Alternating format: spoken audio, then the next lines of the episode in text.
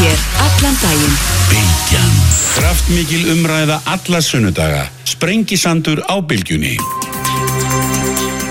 Komið sæli hlustandu góður, velkominir hér á Sprengisandan aftur, rúlum við að stað. Um, þau verða hérna hjá mér. Uh, margir gestir í dag, Bjarni Már Magnússon, prófessor verður hér, Guðfinna Harpa Arnardóttir og Haraldur Benditsson verða hérna, Bjarni Bjarnason, fórstjóri, Orkuvítur Reykjavíkur sem leiðis.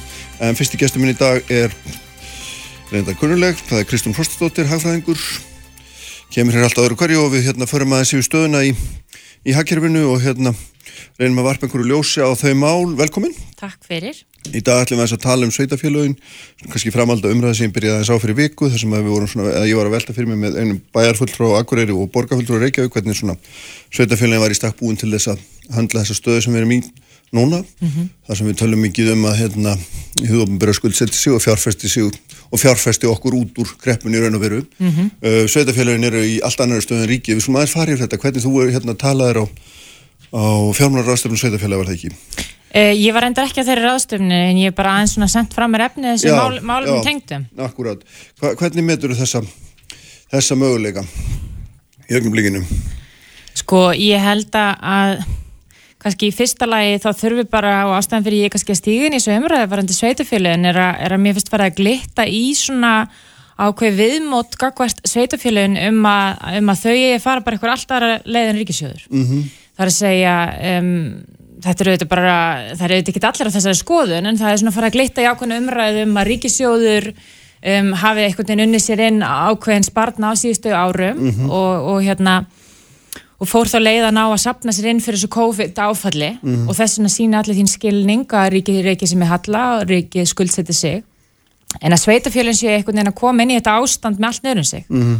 og þess vegna eigi COVID að vera svona einhver uppgjörstími fyrir sveitafjölinn uh -huh. og því sé ekkit annað í bóðan að þau skeri neður mm -hmm. og mér finnst þetta bara mjög einfældningsleg nálgun mhm. og ég held hún sé hættuleg út frá efnaðslu sjónami vegna þess að við erum að, að, hérna, að það virðist vera svona heilt yfir almennt sátt og skilningur á því að fara ekki síðustu leið uh, eða þá leið sem að fara í síðustu kreppu að skera sig út úr þessari kreppu mm -hmm. og sveitafélagin er engin afgangsstærð hjá henni ofinbæra, þau eru þröðjungur af henni ofinbæra mm -hmm. og það er í rauninni verið að binda þannig um nútana bæði svona í bara ofinbæra umræðan sveitafélagin en líka eins og við sjáum bara nýjútkomin í fjármála átlun, þar sem er tekið á fjármála sveitafélagina, uh -huh. að þau í rauninni beiti sér öfugt við hefur ofnbæra og, og skeri verulega niður þá sérstaklega í fjárfestingu uh -huh. og, og mér hefur kannski bara þótt mikilvægt að reyna þess að koma um, uppbyggilegri umræða stað um fjármálsveitafélagana en þess að staðan er svo að þau hafa ekkert verið svona ræðilega illa reygin síðan ár uh -huh. auðvitað má alltaf gera eitthvað betur en með góður það má örgulega líka gera það hjá ríkisjóðir uh -huh. skilju uh -huh. og, og staðrindin er svo að, að ef við skoðum sveitafélagin sem, sem heilt stjórnsýslusteg þá hefur rekstrar jöfnur þar sem er sem sagt í rauninni bara afgangur sem er skil og hefðbundur rekstri uh -huh. hann hefur ekkert verið ósvipaður hjá ríkisjóði uh -huh. síðan ár munurinn er bara að ríkisjóður fekk 400 miljardar króna úr stöðuleikaframlegin uh -huh. sem mhm. að það ekkert með rekstrar ákvarðinir að gera og og ég get nú haldið sko, endalist áfram í þessu samengi en ég held að það sé mjög mikilvægt að gera sér líka grein fyrir því að sko, sveitafélagin þau eru með mjög þunga kostnæðili til að mynda í launakostnar 50% af rekstrar útgjöldum sveitafélaga. Mm -hmm. Sambarleg kostnar hjá ríkisjóðu 25%. Vissulega gegnur ríkisjóður mjög mikilvæg hlutverki í öðrum framlegum og nótabene það er enginn að gera lítið úr því áfallið sem að ríkisjóður er að taka á sig. Við verðum bara okkur á því að sveitafélagin hafa líka verið að vinna um, inn í mjög erfiðu til dæmis launum hverju síðan ár þrátt fyrir það náða skila allt er lægi og bara ágætum rekstrajöfni mm -hmm. um, og ekki fengi svona einskiptist tekjur til þess að geta rétt stöðuna sína af. Uh -huh. En þau eru náttúrulega einhvern veginn líka í allt annar stöðu en, en ríki vegna þess að þau eru reygin eitthvað mæli eins og fyrirtæki, þau eru gerðið upp eins og fyrirtæki, það er bara, það skiptir máli hvað það fyrir neðan tvístrikuðu línuna í lokin öðru sem ríkisjóður sem getur hérna, gert þetta allt með allt örum hætti Algjörlega og það er um þannig greina minn sem ég held að margi gerir sér ekki grein fyrir að, að sko þau kappkost og hafa kappkosta í gernum tíðina sveitafélagin að halda rekstrinum mm. í nulli mm. en hvað þýtti það eftir síðustu kreppu að fjárfesting hún -huh. og hún hrundi meira en hjá ríkisjóði og enn og aftur, þetta er engin afgangsstærð ef fólk hefur að hafa ágjöru af fjárfestingu ríkisjóðs, mm. ég menna fyrir hrun þá voru fjárfestingar á vegum hins sveitafjöla e, e, sveitafélag á pari við ríkisjóð. Uh -huh. Þetta eru mjög umfangsmiklar fjárfestingar, þetta er gatnagerð, þetta eru skólar, leikskólar, e, íþróttamannvirki, þetta eru hvað maður ég segja, veist, þetta er ekki gælu verkefni í stóru myndinni þrátt fyrir að það enna aftur, það er öruglega eitthvað staðar sem að má taka eitthvað frá mm -hmm. en ég held að það þurfa að eh, maður ekki gleymast í þessari umræðu að þetta eru gífulega tölur sem við talum 50 millirðar, mögulega næstu tveimur árum fyrir sveitufylun í heilsinni Já, sem vantar inn í og þegar það talaði um að þetta sé eitthvað sem er bara auðvitað hægt að skera neður, þá held ég fólk átti sig ekki á því að til að mynda 80% af launakostnaði sveitafélagana er vegna fræðslumóla, mm -hmm. þetta eru skólanir í landinu oh og félagsstjónustu er, og þetta, þetta er staður sem hefur skort mm -hmm. starfsfólk mm -hmm.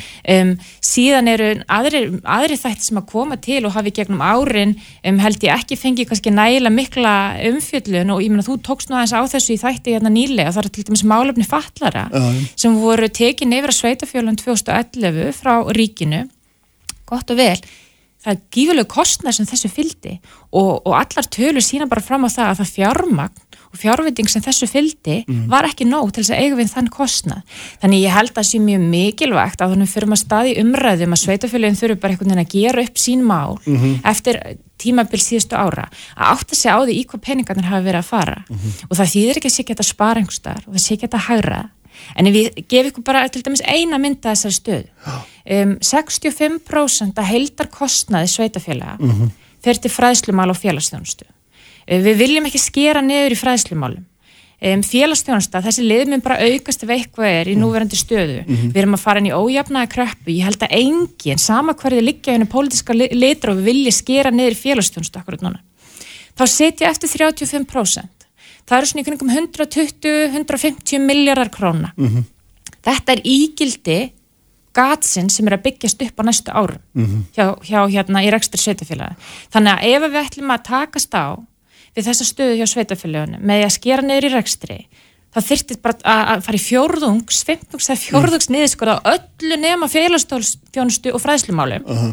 til að fara þá leið. Uh -huh. Eða það náttúrulega bara hægt að gera eins og síðast og bara sleppa fjárfestingunni. Ég menna það er afgangsliður og það, má, það sem að mér þótti áhugavert við að lesa fjármálagállin er að það stendur berum orðum að fjárfestingaliðurinn hefur verið notaður sem afgangsstærð hjá sveitafélögunum upp á síðgastu og sérstaklega eftir bankarhunni mm -hmm. og þetta vekur til þess að balansera bækunar til þess að balansera bækunar ja. og hvað er Ríkisjóður núna að gera Kristján? Mm -hmm. Þau eru að slá sér til rittara mjög eðlilega og gott hjá þeim mm -hmm. að fara í svo kallar fjárfestingar áttak til að vinna upp í rauninni fyrir fjárfestingartap svo þú skoðar fjármálállununa mm -hmm. þá að, að, að, að hérna, draga úr fjárfestingar sveitafélagum sem hluta þetta landsfránislu þannig að Ríkisjóður er að gefa í og sveitafjölu eiga bakka á sama tíma mm -hmm. og þetta er ekki bara þvert á það sem að ríkisjóður er að gera, þetta er þvert á allar alþjóðlega ráðleggingar mm -hmm. ég menn það kom út skýrsla í sömar sem ég held að mjög fáur hafi lesið á vegum OCD efnaðs og framfarastofnurinnar það sem að sérstaklega var fjallað um stöðu sveitafjöla í COVID mm -hmm. og þar var talað um mikilvægi þess að líta ekki á fjárfestingu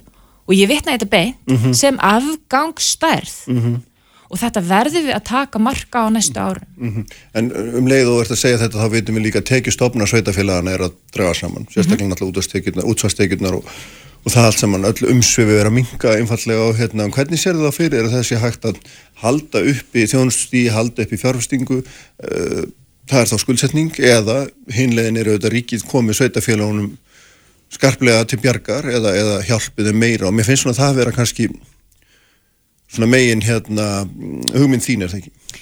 Sko, ég held að ennu aftur, það liggur alveg fyrir að það er öruglega hægt að finna til spartna einhverstar en eins og fólk verður að vera mjög gaggrinni og raunsett á hvað þú finnur 50 til 100 miljardar mm -hmm. við skulum bara byrja þar eins og ég mhm. bendi á aðan uh -huh. í öðru lagi, okkur, hvað ætlar að finna þetta í fjárfestingunum, ætlar bara að sleppa að fara í þar innvega fjárfestingar sem þarf að fara í mm. sem að setja eftir frá síðasta síðustu kreppu og, og sveitafélaginu er nýbyrjuð að vinna á -huh. á sama tíma og ert í, í rosalegu atvinnuleysi og þá, þá er náttúrulega það sem eftir sittur, það er skuldsetning og sko ég hef viljað kannski reyna að snúa þessu svolítið við fá fólk þess að hugsa um eitt eins og þú sagði hérna áðan um, um, um sveitafélag eins og fyrirtæki, fyrir uh -huh. rekin eins og fyrirtæki. Og þrátt verið að það við tekið langan tíma fyrir fólk að komast á þá hugmynd og ég hafa eins rættum þetta í vor að það væri fárulegt fyrir fyrirtæki að skuldsetja sig fyrir mm. tekjutöppi og nú eru styrkveitingar farnar að flæðin, guðsilof sko, það á það sama við sveitafélugin líka um, venjulegt fyrirtæki, heilbriðt fyrirtæki fyrirtæki með framtíð myndi ekki skuldsetja sig fyrir tekjutöppi, þannig að þetta eigur bara gífurlega á kostnæðbyrði í framtíðinni án mm. þess að vera tekjuskápandi síðar meir. Mm -hmm. Hvað myndir fyrirtæki það annars gera? Það getur lagt upp laupana, sveitafélag getur ekki loka, skiljur þau, eru með laupana þjónustu, þannig að jú, þau geta reynd að skera eitthvað aðeins neður, en þau eru í allt annar stöðum fyrirtæki mm -hmm. Og ég meina þriðja leiðin væri að auka tekjur og reyna að fara, fara inn á ný mið. Ja. og þannig virkar það einfalda ekki hjá sveitafélagin, þau eru mörgi hámarks útsvari Um, og um, ég verða að koma í aðeins að svara spurninginu þinni. og að mörg þeirra er í hámars og útsvari ekki bara verðan svo þau hafa verið að eigða vilt og galið. Mm -hmm. þau fá um, 10%, 10-12% af tekjum sínum frá jöfnunasjóði mm -hmm. það er að segja frá ríkisjóði Já. Og í löndunum í kringum okkur auðvitað meðsamt hvað sveitafjölu gera en þetta er ofta á bílinu 30-60% þessi jöfnunasjóður Ríkilegu fram í rækstu sveitafjölu þessi jöfnunasjóður hefur farið mikið hækkandi sem hlutallar tekjum sveitafélagana síðustu ár. Mm -hmm. það, var, það var gefið, tekið minna inn af þessum tekjum, þetta áður frá minkandi út næsta fjármálagállinu tímbil uh -huh. og skattheimtan hefur verið að reyna að vega upp á móti þessu. Þannig að það, það, það er staðan sem sveitafélagin í. Mm -hmm. Varandi skuldsetninguna, enn og aftur, þetta er ekki skinsamlegt út frá rekstralega sjónamiði. Um, er það skinsamara fyrir ríki að skuldsetta sig en sveitafélagi? Já, vegna þess að ríkið er ekki reikið eins og fyrirtæki. Mm -hmm. Ríkið sinnir hagstjórnar hlutverki, það er mjög stórt hlutfall að hagkjörunu, það sinnir því mikilvæg hlutverki að geta fært hluti um, fram, fram í tíma millir einstaklinga, mm -hmm. það hefur miklu breyðari teki og útgjaldastofna til þess að dreifa álæginu, verðan þess að við veitum alltaf, búið að segja þetta margóft, þetta er ójöfn krapp, þetta er ekki að leggja, já, leggja stemt á alla. Og ríkið er í miklu betri stöðu til að taka á sér svona skuldsetningu. Mm -hmm. fyrir utan það að ríkið getur tekið lán á miklu lægri vöxtu með sveitafélagin. Ég menna það hefur búið að hleypa fyrirtækjum að um, í fjármögnum frá Sælabankunum 1% vöxtum. Mm -hmm. Það voru lánin sem voru nýtt. Já. það eru stuðningsláni sem voru nýtt að tóka engin brúarlán, en samt einhvern veginn eigum við að láta sveitafélagin halvpartin taka brúarlán en þau fá ekki stuðningslán, mm -hmm. þannig að annars er þetta spurningum hvort að sé hægt að veita um sveigrum til að fara inn í ótyrir fjármögnun, eða bara einfallega ríki taki þetta á sig.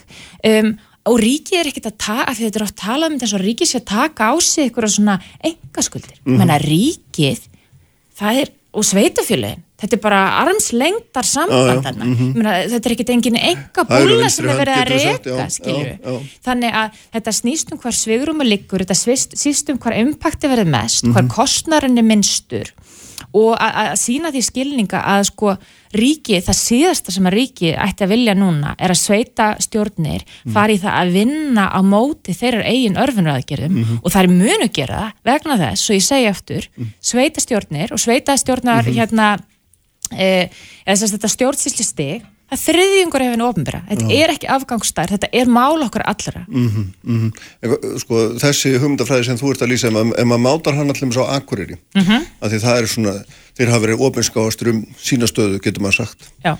og það er akkur að tá að ganga þvert á ef við svo ætlaði að skuldsetja sig fyrir einhvern fjárfstingum en, en í grunninn vantarlega hérna, eru þær afgangsstærið orðnar eða hljóta alltaf að verða það Já, sko, nú verður ég bara að segja, ég þekki auðvitað ekki sérstaklega rekstrareikning og fjárfestingareikninga hjá einstaklega sveitafjölu, en ég get alveg fullir það að það eru auðvitað ákveðin sveitafjölu sem að hafa til dæmis fundi meira fyrir aukningu í, í ákveðnum kostnæðalöfum, mm. síkasti, ég meina félagstjónustan, hún er bara það stór partur af uh, kostnæðalöfum sveitafjöla, að stóri byðakjarnar sem að leggja mikið inn í það, hlutvarslega miklu meira mm. naðrir, mm. þeir finna mjög mikið fyrir þessum kostnæðaraukningum um, og auðvitað er ykkur sveitafjölu farin að stað um að reyna að skuldsetja sig fyrir rekstri, Já. en það er bara verið hvað annað að gera, ég mm -hmm. menna þú, þú þarf bara að fá peningin inn núna mm. á einhverju tímpunkt og getur ekki beðið eftir að ríki átti sig á því hvað það er að gera en ég held að það þurfi líka að taka þessa umræðu um skuldsetningu á svolítið annar steg og við hefum náttúrulega reynd að gera þetta en aðeins í vetur, en sko það er eitt að ræða um að knýja sveitafélagin, að afnema þessa skuldareglu fyrir sveitafélagin og knýja þau áfram í skuldsetningu fyrir rekstri mm -hmm. og það er annað síðan þegar fólk er að, að hérna, gaggrina skuldsetningu sveitafélaga síðlunum árum sem hafa til dæmis bara farið í fjárfestingar. Mm -hmm. Ég menna í mörgum þessum tilvægum er þetta bara mjög skinsamlega skuldsetningar til þess að ráðast í. Þannig að punkturum minn er kannski bara sá.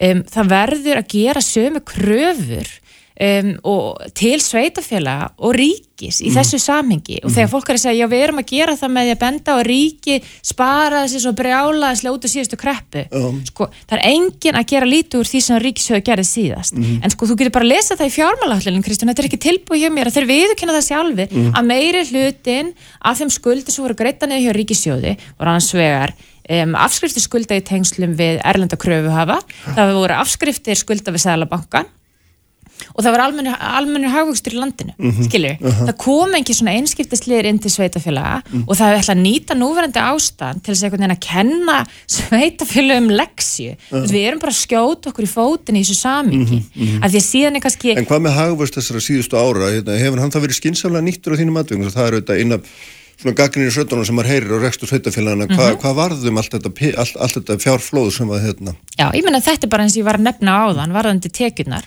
að hérna, fólk fyrirst bara finna fyrir auknum ska, aukinni skattlagningu mm, mm. og þú bakkar inn í tölunar og bakveða og, og spyr þeirra gaggarinn spurninga getur verið að það sé eitthvað annað sem valdi þessu þú mm -hmm. sér til dæmis að framlög frá jöfnunarsjóðu það fara minkandi uh -huh. getur verið einhver annað kostnæðilega að hækka hlutvanslega miklu meiri á sveitafélagum en hjá ríkinu mm. launakostnæðir sem er 50% af kostnæði með 25% við þurfum ekkert að ræða um launahækkanir Kristján, mm. það vita allir hvað -hmm. laun hafa hækka mikið umfram hagvöxt -hmm. skilju, -hmm. svona hlutir þegar ég geta upp rekstarjöfnu hjá fyrirtækjum það veit allir hvað áhrif launahækkanir hafið á fjaraðfjónustuna versus almennan eðina uh -huh. skilji, málefni fallara þetta var 1,5% af útgildu sveitafélagana 2010, í dag er þetta 9% uh -huh. þetta er næstu 50 að útgjálta hækkun sveitafélagana að landsvísu er út af mhm. málefnum fallara. Uh -huh. Þannig að punkturum minn er að verður að bera saman eppli og eppli, uh -huh. það hafa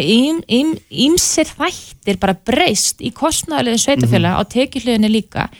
Enná aftur, það er ekki þar með sett að sé ekki hægt að gera neitt betra en því ert að tala um 50, 100 miljardar skilju, þá, bara, þá er þetta ekki svona einfalt að segja þú þarf bara að skera því út úr þessu þú stóðst illa þínu málum mm -hmm. þetta er einfaldningslegur nálgun og hún byggir einfallega ekki á gögnum Nei. En er, sko, þetta er það sem vart að lýsa þarna með jöfnunum og, og svona útsvarið og, og hvernig þetta virktar allt saman, þetta er mm -hmm. alltaf bara svona í nótskur þessi tókstreita sem er á milli þessar að tveggja mm -hmm. aðila sem að eru þó bara vinstru að hægri höndin á sama líka með raun og veru sko. Jó, það er kannski það sem er svolítið áhvert þegar maður kemur að þessu sem bara svona greinandi mm -hmm.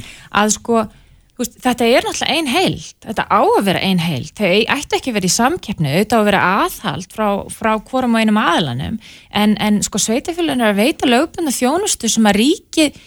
ríki, skrifaði löginum MPA sem varst að fjallum innum daginn, skilur við, það er ríki sem segir þið eigið að veita þessa þjónustu, um, það var fært til 1,2% tekjuskattunum hjá ríkisjóði yfir til sveitafélag á sín tíma, þetta er bara langt frá því að vera nóg með rekstra kostnæðin sem er við hennar lið. Mm -hmm. og, og maður hefur kannski bara áhugir af því að ég, ég veit ekki, ég get kannski bara tala fyrir sjálf á mig að sveitafölum fá oft bara minni aðtili en að þess að sko, þeir sem að standa einhvern veginn í framlinni þar eru að hafa einhvern veist, það, er einhver annar ljómi í kringum þá sem eru sko, í, í ríkistjórn, skilju. og þá er einhvern veginn eins og fólk bara pæla ekki í því hvað er að gerast hjá sveitafölunum, skilju. Mm -hmm. en ég held að það sé mjög mikilvægt núna að við séum svolítið gaggarinn á þessu umræðu, það má ymslitt gera betur en þetta þarf að vera uppbyggileg umræðu, hún má ekki bara snúast um sveitafélagum um allt, allt, um, allt neyru sig, mm. það er ákveðin tókstrita sem hefur verið þarna í fjárvitingu millir ríkissjóðs og sveitafélagana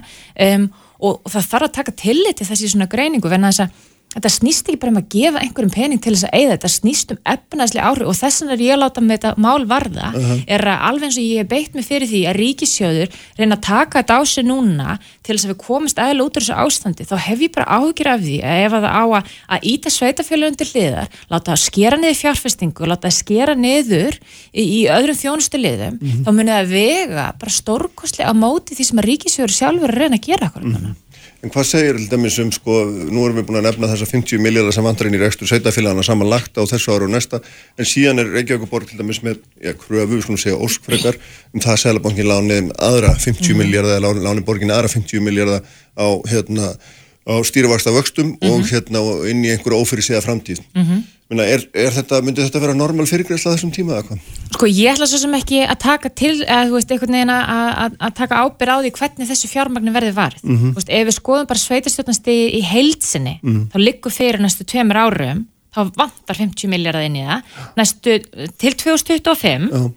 Mínur útrækninga benda til þess til 2025 vantar svona 125 til 150 miljardar bara til þess að vinna upp COVID-rekstra gatið uh -huh. og sko ég, ég legg ásla á þetta að þetta snýst ekki um að gefa sveitafjölum peðins að borga upp fyrir skuldi sínar þess að borga upp fyrir rekstra gatið þetta er bara, þetta er bara bókstala gatið sem skapast út af COVID. Er til að halda þess að óbreytta ástandi Það er ekkit undirliggjandi í rekstri sveitafjölum sem gera verkum að, að hérna, þau hafa búið sér illa undir þetta rekstragat, skilur, mm. þetta er bara náttúru áfall uh -huh. um, en síðan þarf við þetta bara að taka tillit til hver er að taka ákveðin kostnæli og tekjuskelli á sig, skilur og staðrindin er auðvitað svo að, mér er höfbrukarsvæði 60% af tekinum innan sveitistöðnastíði fer inn á höfbrukarsvæði mm -hmm. 70% af kostnæði félagstjónustu til dæmis er samt á höfbrukarsvæðinu í Reykjavík er tekinar 35% Mm -hmm. af heildatekinn sveitafélag og félagstjónastan, þeir veitum helming félagstjónastan í landinu. Uh -huh. Þannig að fólk bara að setjast niður og reikna sér niður okkur hvað er impakti, hvað skiptir þetta mestu máli, mm -hmm. síðan er það sveitafélag sjálfræð auðvitað að taka þessa umræð en ég held að aðal máli þurfi að vera um, veist, hver er fjárhauð sveitafélagana í þessari núverandi stöðu og það að vera einhvern veginn að setja þau inn í það þá ástand núna þetta er bara eiginlega alveg eins og þetta er svona déjà vu Kristján eins og ég vor þegar við vorum að tala um ferðarþjónustu fyrir uh -huh. þess að er bara, ferðarþjónustu er bara illa reygin það var bara umöðulegt ár hjá þeim fyrra núna vega þeir bara fara á hausin uh -huh. þetta er svona sveipa dæmi, fólk er, fólk er búið að snúast í þessu, uh -huh. fólk átt að segja á því það er eitt að sjá 20% gældrót það er annað að sjá 90% gældrót mhm. það er eins með sveitafjölun, það má alveg gera eitthvað betur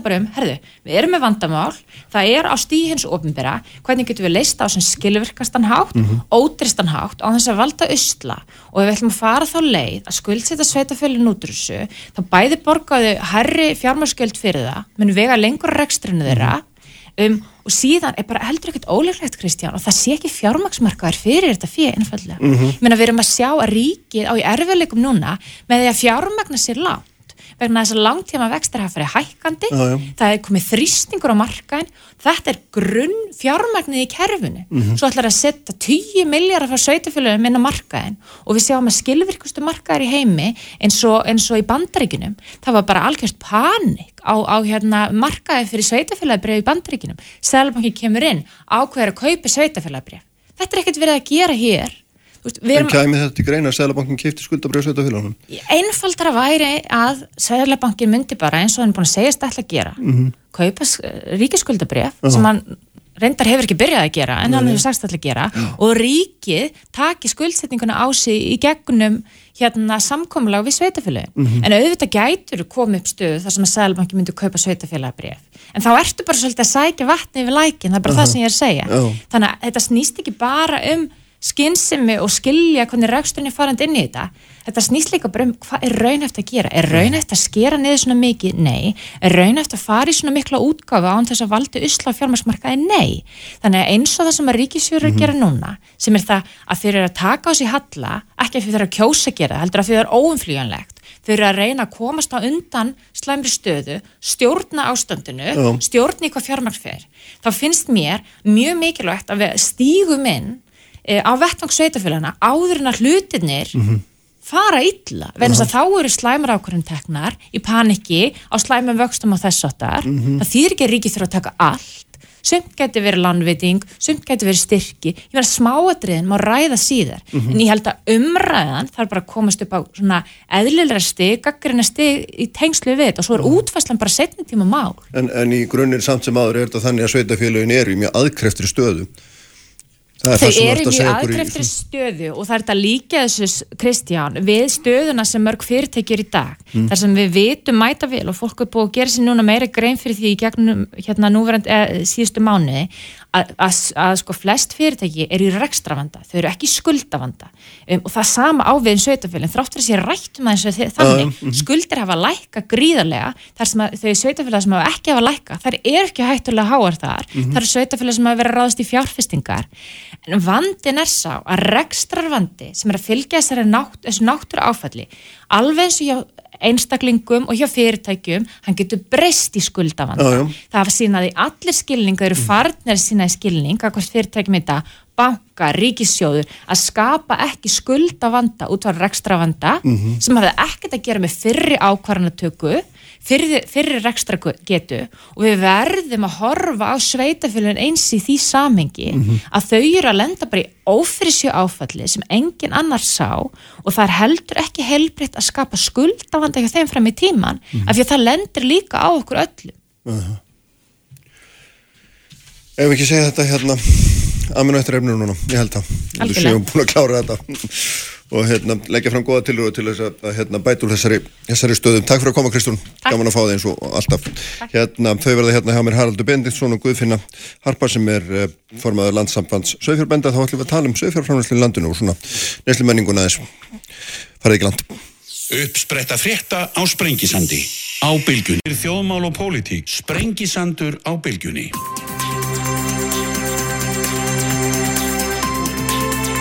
Sælir afturlustundu góður, Kristrún Frostadóttir farin frá mér eftir að venju mjög skarpa og hressilega yfirferði yfir hérna þessu sinni yfir málumni sveitafélagan og tengdi það þetta inn í svona efnarsmálinn almennt og, og hérna gerði okkur glögga grein fyrir því hvernig, hvernig það allt saman stendur uh, þessa dagana. Nú, uh, ég ætla að vinda mínu hvaði kross og ætla, ég ætla að tala hér um landbúnað sem er nú alltaf gaman að ræða og þá sérstaklega um sveitfjörræktina. Uh, Haraldur Bendisson, alþingismæður, er komin hérna til mín, sætla blessaður og velkomin.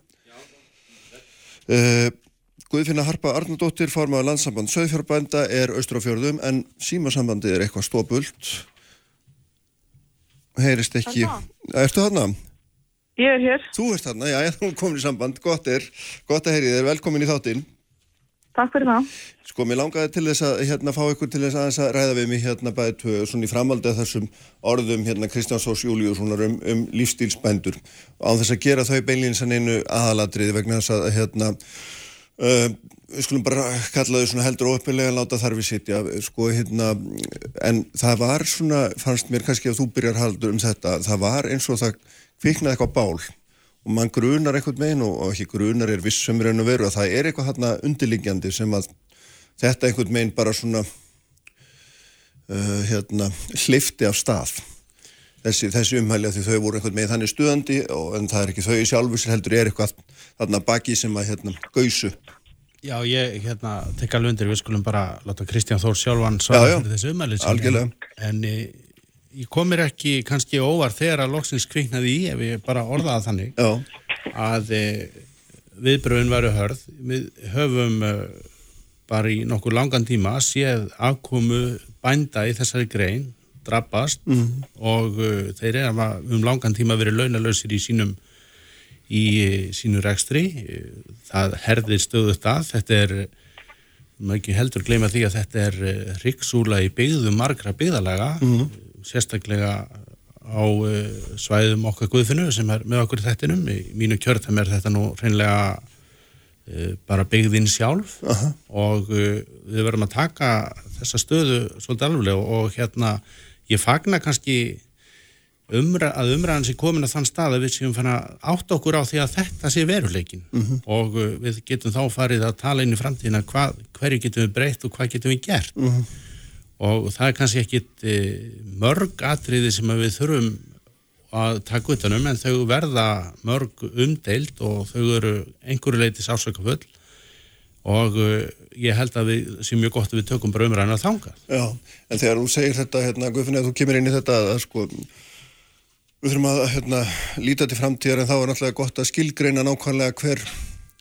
Eh, hver staðan er í, í nútímanum og þá sínist manni það að vera, það að vera í grunninn þannig bara eiginlega klassi stað að við erum með framleyslugrein þar sem að framleiðunni bændur hafa af litla tegjur afrastöðuna, milliliðnir eða kalla þá hafa af litla tegjur og veslunin sem að síðan seluvöruna hefur heldur ekkit sérstaklega mikla tegjur að þessu.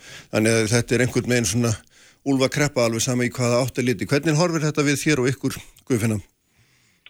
Já, það er náttúrulega alveg rétt að það eru litla tekjur á öllum stöðum mm. þarna í þessu, í þessu kerfi. Við erum að framlega frábæru vöru sem okkur finnst eitthvað neginn skýtt að við skulum ekki bera meir úr bítum og raunverulega bara bera, ekki bera þannig úr bítum að við, við höfum ekki launagreyslu getu og okkur búum. Mm. Er það sem þetta bara reynd máls að sögfyrirbændu núna þeir geta ekki borga sjálfum sér laun svona einstað því sem maður getur kallað svona mannsæmandi hérna, mannsæmandi laun? Já, það er allavega þannig á, á ansið mörgum búum mm. að, að hérna á flestum að launagreyslu geta á hverja einingu eða hvert kíló er ekki ásættanlega mm -hmm. og því þurfum við að breyta og, og þetta er náttúrulega eins og Haraldur kemur réttilega inn á að þetta er til miður þannig að í, í svo mörgum frumframlýslu greinum í matvælum að það er bara ekki ásættanleg ákoma og það er ekki bara á Íslandi. Sér þú einhver, einhver leið út úr þessum? Já, við þurfum náttúrulega að byrja á því að hætta að horfa á matin okkar sem dýran og fara að horfa á hann sem verðmætan, mm -hmm. mat sem er framleitur með eftir, eftir strengustu köfum og framleitur uh, með dýra, dýravelferð, umhverfsmál og svo framvegis í huga að, að við þurfum bara að vera tilbúin til að greiða fyrir þessa vöru Neytend, við, við sem neytendur uh -huh, uh -huh. En það er auðvitað svona þarna stendur kannski aldrei nýjurinn í kunni og hefur staðið um nokkur ára bilað hérna neytendur er ekki tilbúinur að borga hærra verð og þú skrifa nú á þína Facebook síðu hérna haldur ágeta, ágeta hérna færslu langa mikla um þetta þar sem þú nefndin þetta nú sérstaklega hérna að á síður tímum sé fólk heila mér að minna sama hvaða borðar Já, ég skrifa yfirleitt langa Facebook status svona minn gallið þegar ég lóks að skrifa. Nei, nei, það er bara Nei, nei, sko það það er bara því miður þannig að við erum þeir eru göngu fram í þessu umræðu og við segjum réttilega eins og Guðfinnir að segja hérna, það er, það er slæm aðkomi í frumframlöslu og við þekkjum hana líka kollegum okkar hérna í kringum okkar og, og uh, þannig hefur þetta þróast með þessum hætti. Síðan göngum við hérna fram, fram í umræðinu og segjum hjá fólk segir já þetta er bara dýri vara uh, það er samt þannig að það er mikil vilji til þess að vara sé, hérna heilnæm og hún sé holl mm -hmm. og uh, við skulum ekkert gera lítið og það finnst mér þann tíma sem ég hef fylst með og tekið þátt í þessu umræðu Eh, það viðhorf hafa hækkað mjög mm -hmm. við fundum það mjög vel þegar við vorum í eh, svo kalluðum samráðshópum búri samlinga sem starfaði tvö ár samkvæmt áskilnaði alþingis vegna samlinga sem gerur úr 2016 og fórum út í sviðsmyndagreiningu fyrir íslenska landbúna sem að 400 manns tóku þátt í hvar hvað heilnæmi raðast átt mm -hmm. og en það, þetta eru fjölmarki þættir ég sko við skulum alveg gera okkur grein fyrir því að kaup getan eða greiðslu getan fyrir, fyrir matin er ekki það sem við munum tegja og hækka verulega en við getum líka e, bætt okkur verulega í bæði framsetningunni vöruvalinu eða veru úrvalinu mm. og síðan leita leiða til þess að vera með lengri tíma á, með fersk kjöt og markaði. Ég held að við þurfum að horfa kannski fyrst og fremst hérna á kaplan og milli bændan og neytandana mm -hmm. e, við, ég segi Facebook status eins og þú varst að tellja hérna um að það sé óvinnandi aðkomandi frumlönda úrvinnslaðilega og hérna vestlunar já. við þurfum ef ég á að leggja hérna á borðið já, hvað ég var að gera og hvernig ég var að taka það mm. þá segi ég heyrðu, byrjum á því að greina lögjöfum uh, samstarf fyrirtækja í úrvinnsluna í maturum höfum hana sambarlega vönulönd mm -hmm. því að einn þá getum við nefnt í þessu, bara berum saman afröðverð til bænda hérna í Evrópu og Íslandi. Það er, það er samanbörðu sem að segir okkur það að við erum að greiða mjög látt verð fyrir vöruna til íslenskara bænda. Förum síðan út í búð og, og skoðum síðan uh, hvað neytandir er að borga fyrir hana og þar erum við að sjá annan samanbörð sem mm. er ekki eins hagstaður ef við getum kallað þetta hagstaðan samanbörð. Þá borgum við meira Þa, þar. Já, já svona ekkert alveg algilt, alls ekki. Já, það hefur verið með stústi verið þannig gegnum tíðina. Já, það er líka tilfinningin að sé já, svo mm. og það er erfitt að snúa við tilfinningu. Uh, þá horfi ég bara til þess hvernig getum við tekið þessi fyrirtæki okkar sem eru flesti í eigum bændana og leift þeim að, að þroskast, verða hagkvamari, innleiða meiri tækni, uh, fara út í meiri vöru þróun uh, hafa verkaskiptingar um ákveðna þætti sem að mun, munu skila, harra skila verið til bændan á þessum sem að sækja það beint út á markaðin mm -hmm. í, sem að ég ætla ekki að segja verði ekki að vera líka en þar höfum við sóknafæri og þetta var eina af þeim tilögum sem að samráðsópurinn sín nefnd áðan skilaði til landbúnar áttar í februar er þetta verður að greina, það verður að bera saman þessa lögjöf mm. og ég vona því að svo greining og, og uh eiginlega sá samabörður, hann fari nú að líta dagsinsljóst núna á höstugum, hann að við mm. getum að fara að taka umræðina kannski þaðan, það er eitt þáttu sem getur lagt á borðið. -huh. Hvað segir þú um þetta Guðfinna? Er, er hérna endur skoða lögjöf eitthvað þetta hljómar svona svolítið eins og En einn skýrslan? Já, ég get bara tekið mjög innilega undir ja, þetta ja. og ég veit að þessi vinn er í gangi og ég fagnar því mjög innilega. Vegna að þetta er eitt af því sem við bændur höfum bent á lengi eins og Haraldur bara þekkir að hérna þarna séum við þegar við fáum innflutningin inn til okkar að keppa við fyrirtæki sem eru á allt allt öðrum stærðaskala heldur en okkar og hafa haft miklu meiri tækifæri til haðræðingar innan hús hjá sér, til dæmis velvæðingar og svo framvist. Þannig að það verður mjög áhugavert að sjá niðurstöður úr þessu, þessari greiningu og hvort að við komumst eitthvað áfram með það. En eh, bindur þú einhverja vonir við það í þessu að þetta sé svona nógu afl mikið til þess að kjör ykkar geti batnað þannig, hérna, að þau verði með einhverjum hætti viðnandi? Ég, allavega get ég, ég bind vonir til þess að þetta sé eitt þátturinn í því, mm. já. Já. Og ég get sömulegist tekið undir að þar getur verið þættir sem að Haraldur nefndi líka, varðandi lengri slátutíma, varðandi öðruvísi aðgengi að fersku kjöti, mm -hmm. lengra, lengra tímabil, öðruvísi markasetning á því og öðruvísi hérna, verðpunktur. Mm -hmm. Heldur en við erum að sjá núna. Þetta er við kannski ekki alveg eðlega markast aðstæður í, í COVID en, en hérna við erum að sjá samt svolítið öðruvísi markaþekningu á ferska kjötinu, nýslátraða kjötinu okkar núna heldur um að myndi vilja sjá. Já, en sko hérna eitt af grundvallar aðriðum er manni kent í, í nútímanum er, hérna, er samspil uh, frambóðsætspurnar og getur ekki Já. bara verið að, að frambóði séu mikið og þess að sé verðið á látt. Við vorum með þetta svolítið að glíma við það að mm. við vorum með full mikið frambóð með eftirspurn en núna erum við að sjá mikla breytingar á því við erum að sjá það að við erum ekki berjast við yfirgengilegt byrðavandamál og, og framleiðslan er að minka og nýbyrp innanlandsvók hjá atvinnuvegaráðanundi sínir að við erum núna bara á pari með framleiðsluna með að við eftir sótasta byttan sem er hryggurinn mm. Er, þá eru við vissilega með örlittla umframframlustlu og öðrum bitum. Já, mm -hmm. Það er hérna, en þetta er náttúrulega þú sem sjálfstæðismöður Haraldur og hérna talsmaður markasfælsins að, að, að þýlitinu, það, það hlýtur þetta að hérna ringengunum bjöllum hjá þér eftir spurn og frambóðum, en þetta hlýtur þá í þínum, þínum hugmynda heimi að haldast í hendur. Það gerir það sjálfsögðu og en það er ekki þá þannig að ég sé sjálfstæðismæður að sjálfstæðisflokkurinn get ekki sko talað fyrir lausnum, talað fyrir aðgerðum sem að tryggja stefnu sem að við viljum hérna að náðu fram að ganga sem er, sem er öflugbyggði í sveitu og öflug mm. atvinnagreinar þar.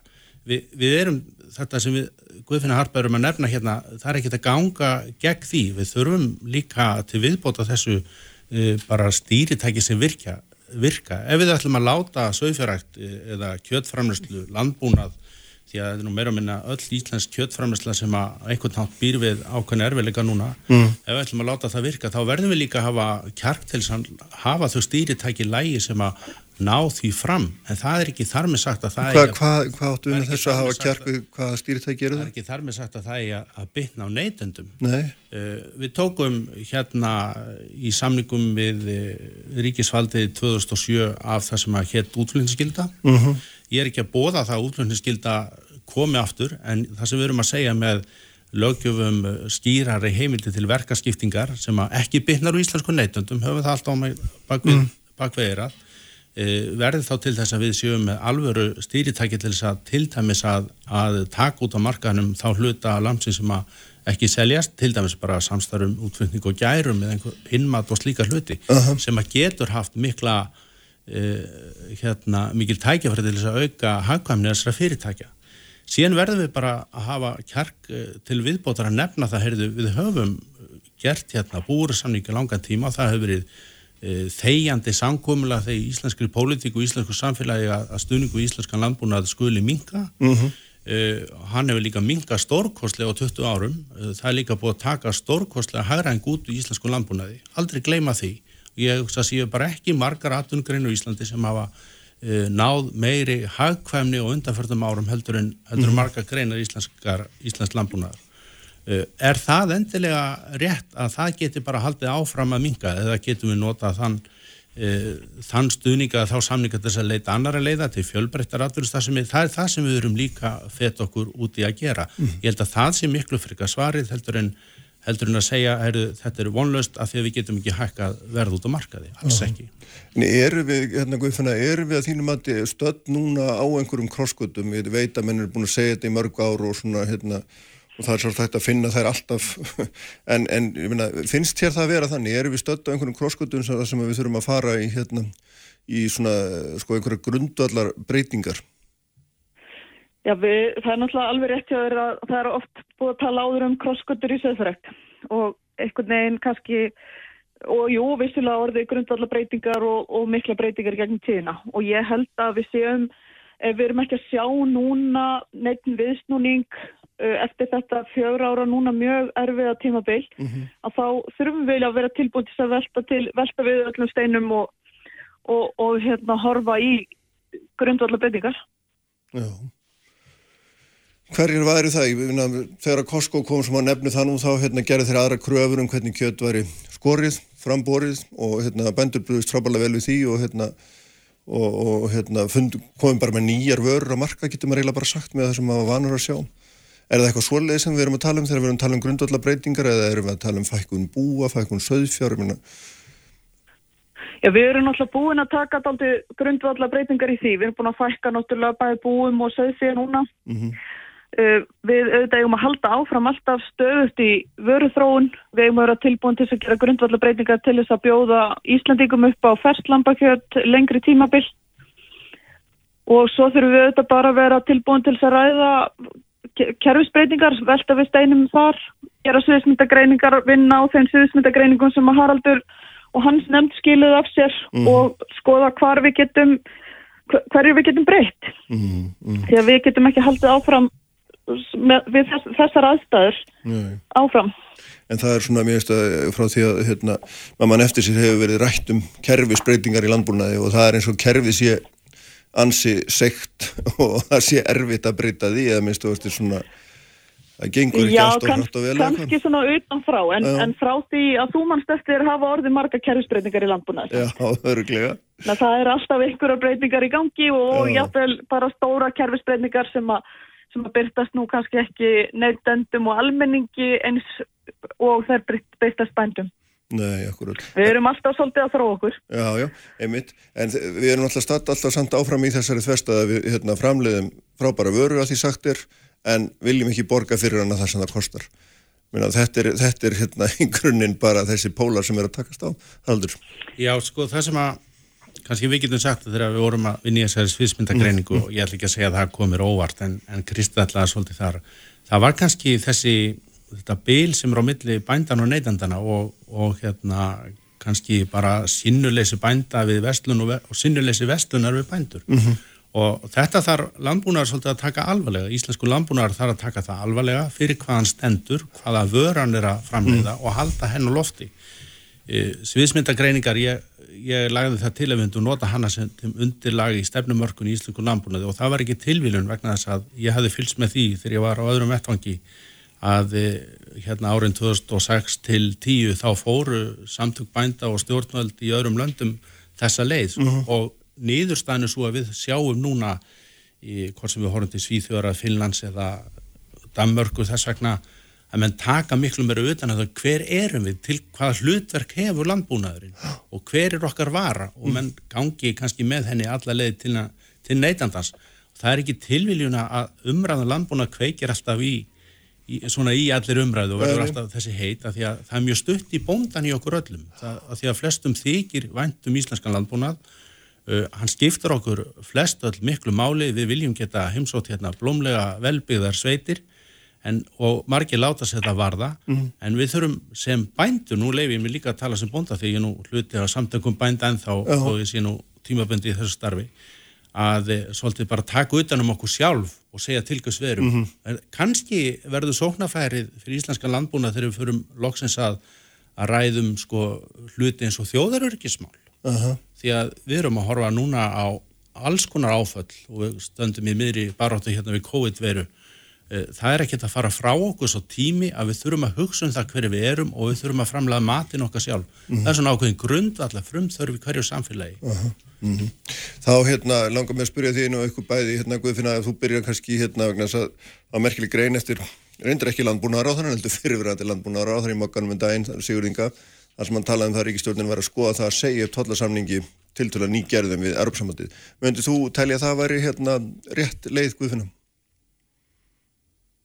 að segja upp? Já. Eh, ég held allavega að reynslan sem er núna af honum og það breyttu fórsendur sem við erum að horfa á í viðskipt við Europasambandi með útgöngu Breitlands að séu algjörlega tilöfni til þess að endur skoða að segja upp þessum samningi já. Mm -hmm. Hvað segir þú Haraldur? Já, ég bara veit að, að það var frumkveði utanrikiðsáþur að núverandi að endur með þetta þennan samning og, og flagga því að taka viðræður um, um endurskoðun hans. Það er alveg ljóst að svona megin markmið hans hafa ekki gengið eftir ef að menn bara mm. tóla, skoða tölunar um það hvernig hann hefur virkað þá er algjörlega tífambært að, rétt eins og Guðfinna Harper að segja að endur með þetta þann samning. Ég, við getum kallað að segja hann upp eða hvernig við gerum en ég skildir hendar á sínu tíma aldrei uh, fórsenduna fyrir því að gera þann samning mm -hmm. og ef ég á að segja, ef ég sé á að uh, svona vitnum það hvað ég sé mest eftir ég hafa gert í pólitíkinni uh -huh. á þann tíma sem ég seti þá var það kannski afgræsla búrusamningana í þinginu 2016 sem að múlbatt þennan tollasamning við e, þá afgræslu. Og með honum náttúrulega komst inn í landið kjöt meðal annars og hérna antóllendar, ekki satt? Jú, sko, bara... Svo maður einfaldi þetta mjög? Já, já, það er, og síðan hefur við umræðið hérna verið um hvernig menn er að misnota tóllflokkunast líka og við rættum þetta í samráðsóknum líka og skiljum eh, sömu leiðis í februar frá okkur mjög ítarlegum tillögum það hvernig ber að vinna því og mm. það hefur verið gert frá þenn tíma. En sko við eigum ekkert á óttast þessa samkjöfn og við gerum það ekki, en hún er þá að vera alltaf mm -hmm. af sangirni og uh, eins og við erum að framkoma þennan tollasamling mm þá er það ekki sanggjörð sangjöfn. Þannig að það þarf þá að endur skoðan. Það sjálfsögum. Mm -hmm.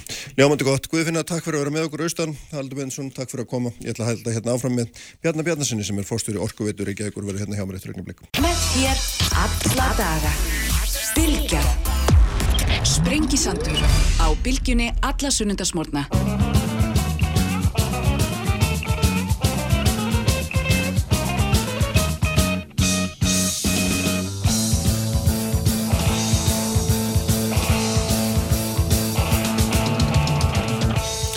Sælir aftur hlustendur, uh, þau eru fræðin frá mér Guðfinna Arnundóttir sem er formaða landsambann Söðfjörnbanda var í símanum á Ístorna Haldur Bendisson, alþingismöður, vorum að ræða hér um framtíð Söðfjörn framlegslunar, Söðfjörn kjöts framlegslunar á Íslandi, lampakjötið og allt, allt það sem hefur nú fyllt okkur frá um langa hríð. Eh, Bjarni Már Magnússon, prófessor við Háskólinni Reykjavík verður hérna í lók þáttar, það ætlum við að tala eins um frelsi einstaklingsins og, og hvernig maður stendur vörðum það á tímum eins og þessum þegar að gripið er til mjög harkalera aðgerða sem oft geta hérna, takmarka frelsi umfram það sem að svona við viljum nú svona alla jafna búa, til, búa við. En Bjarni Bjarnason sem er fórstjóri Orkuvitur Reykjavíkur, sestur hérna hjá mér, verður velkominn Bjarni. Takk að þið fyrir.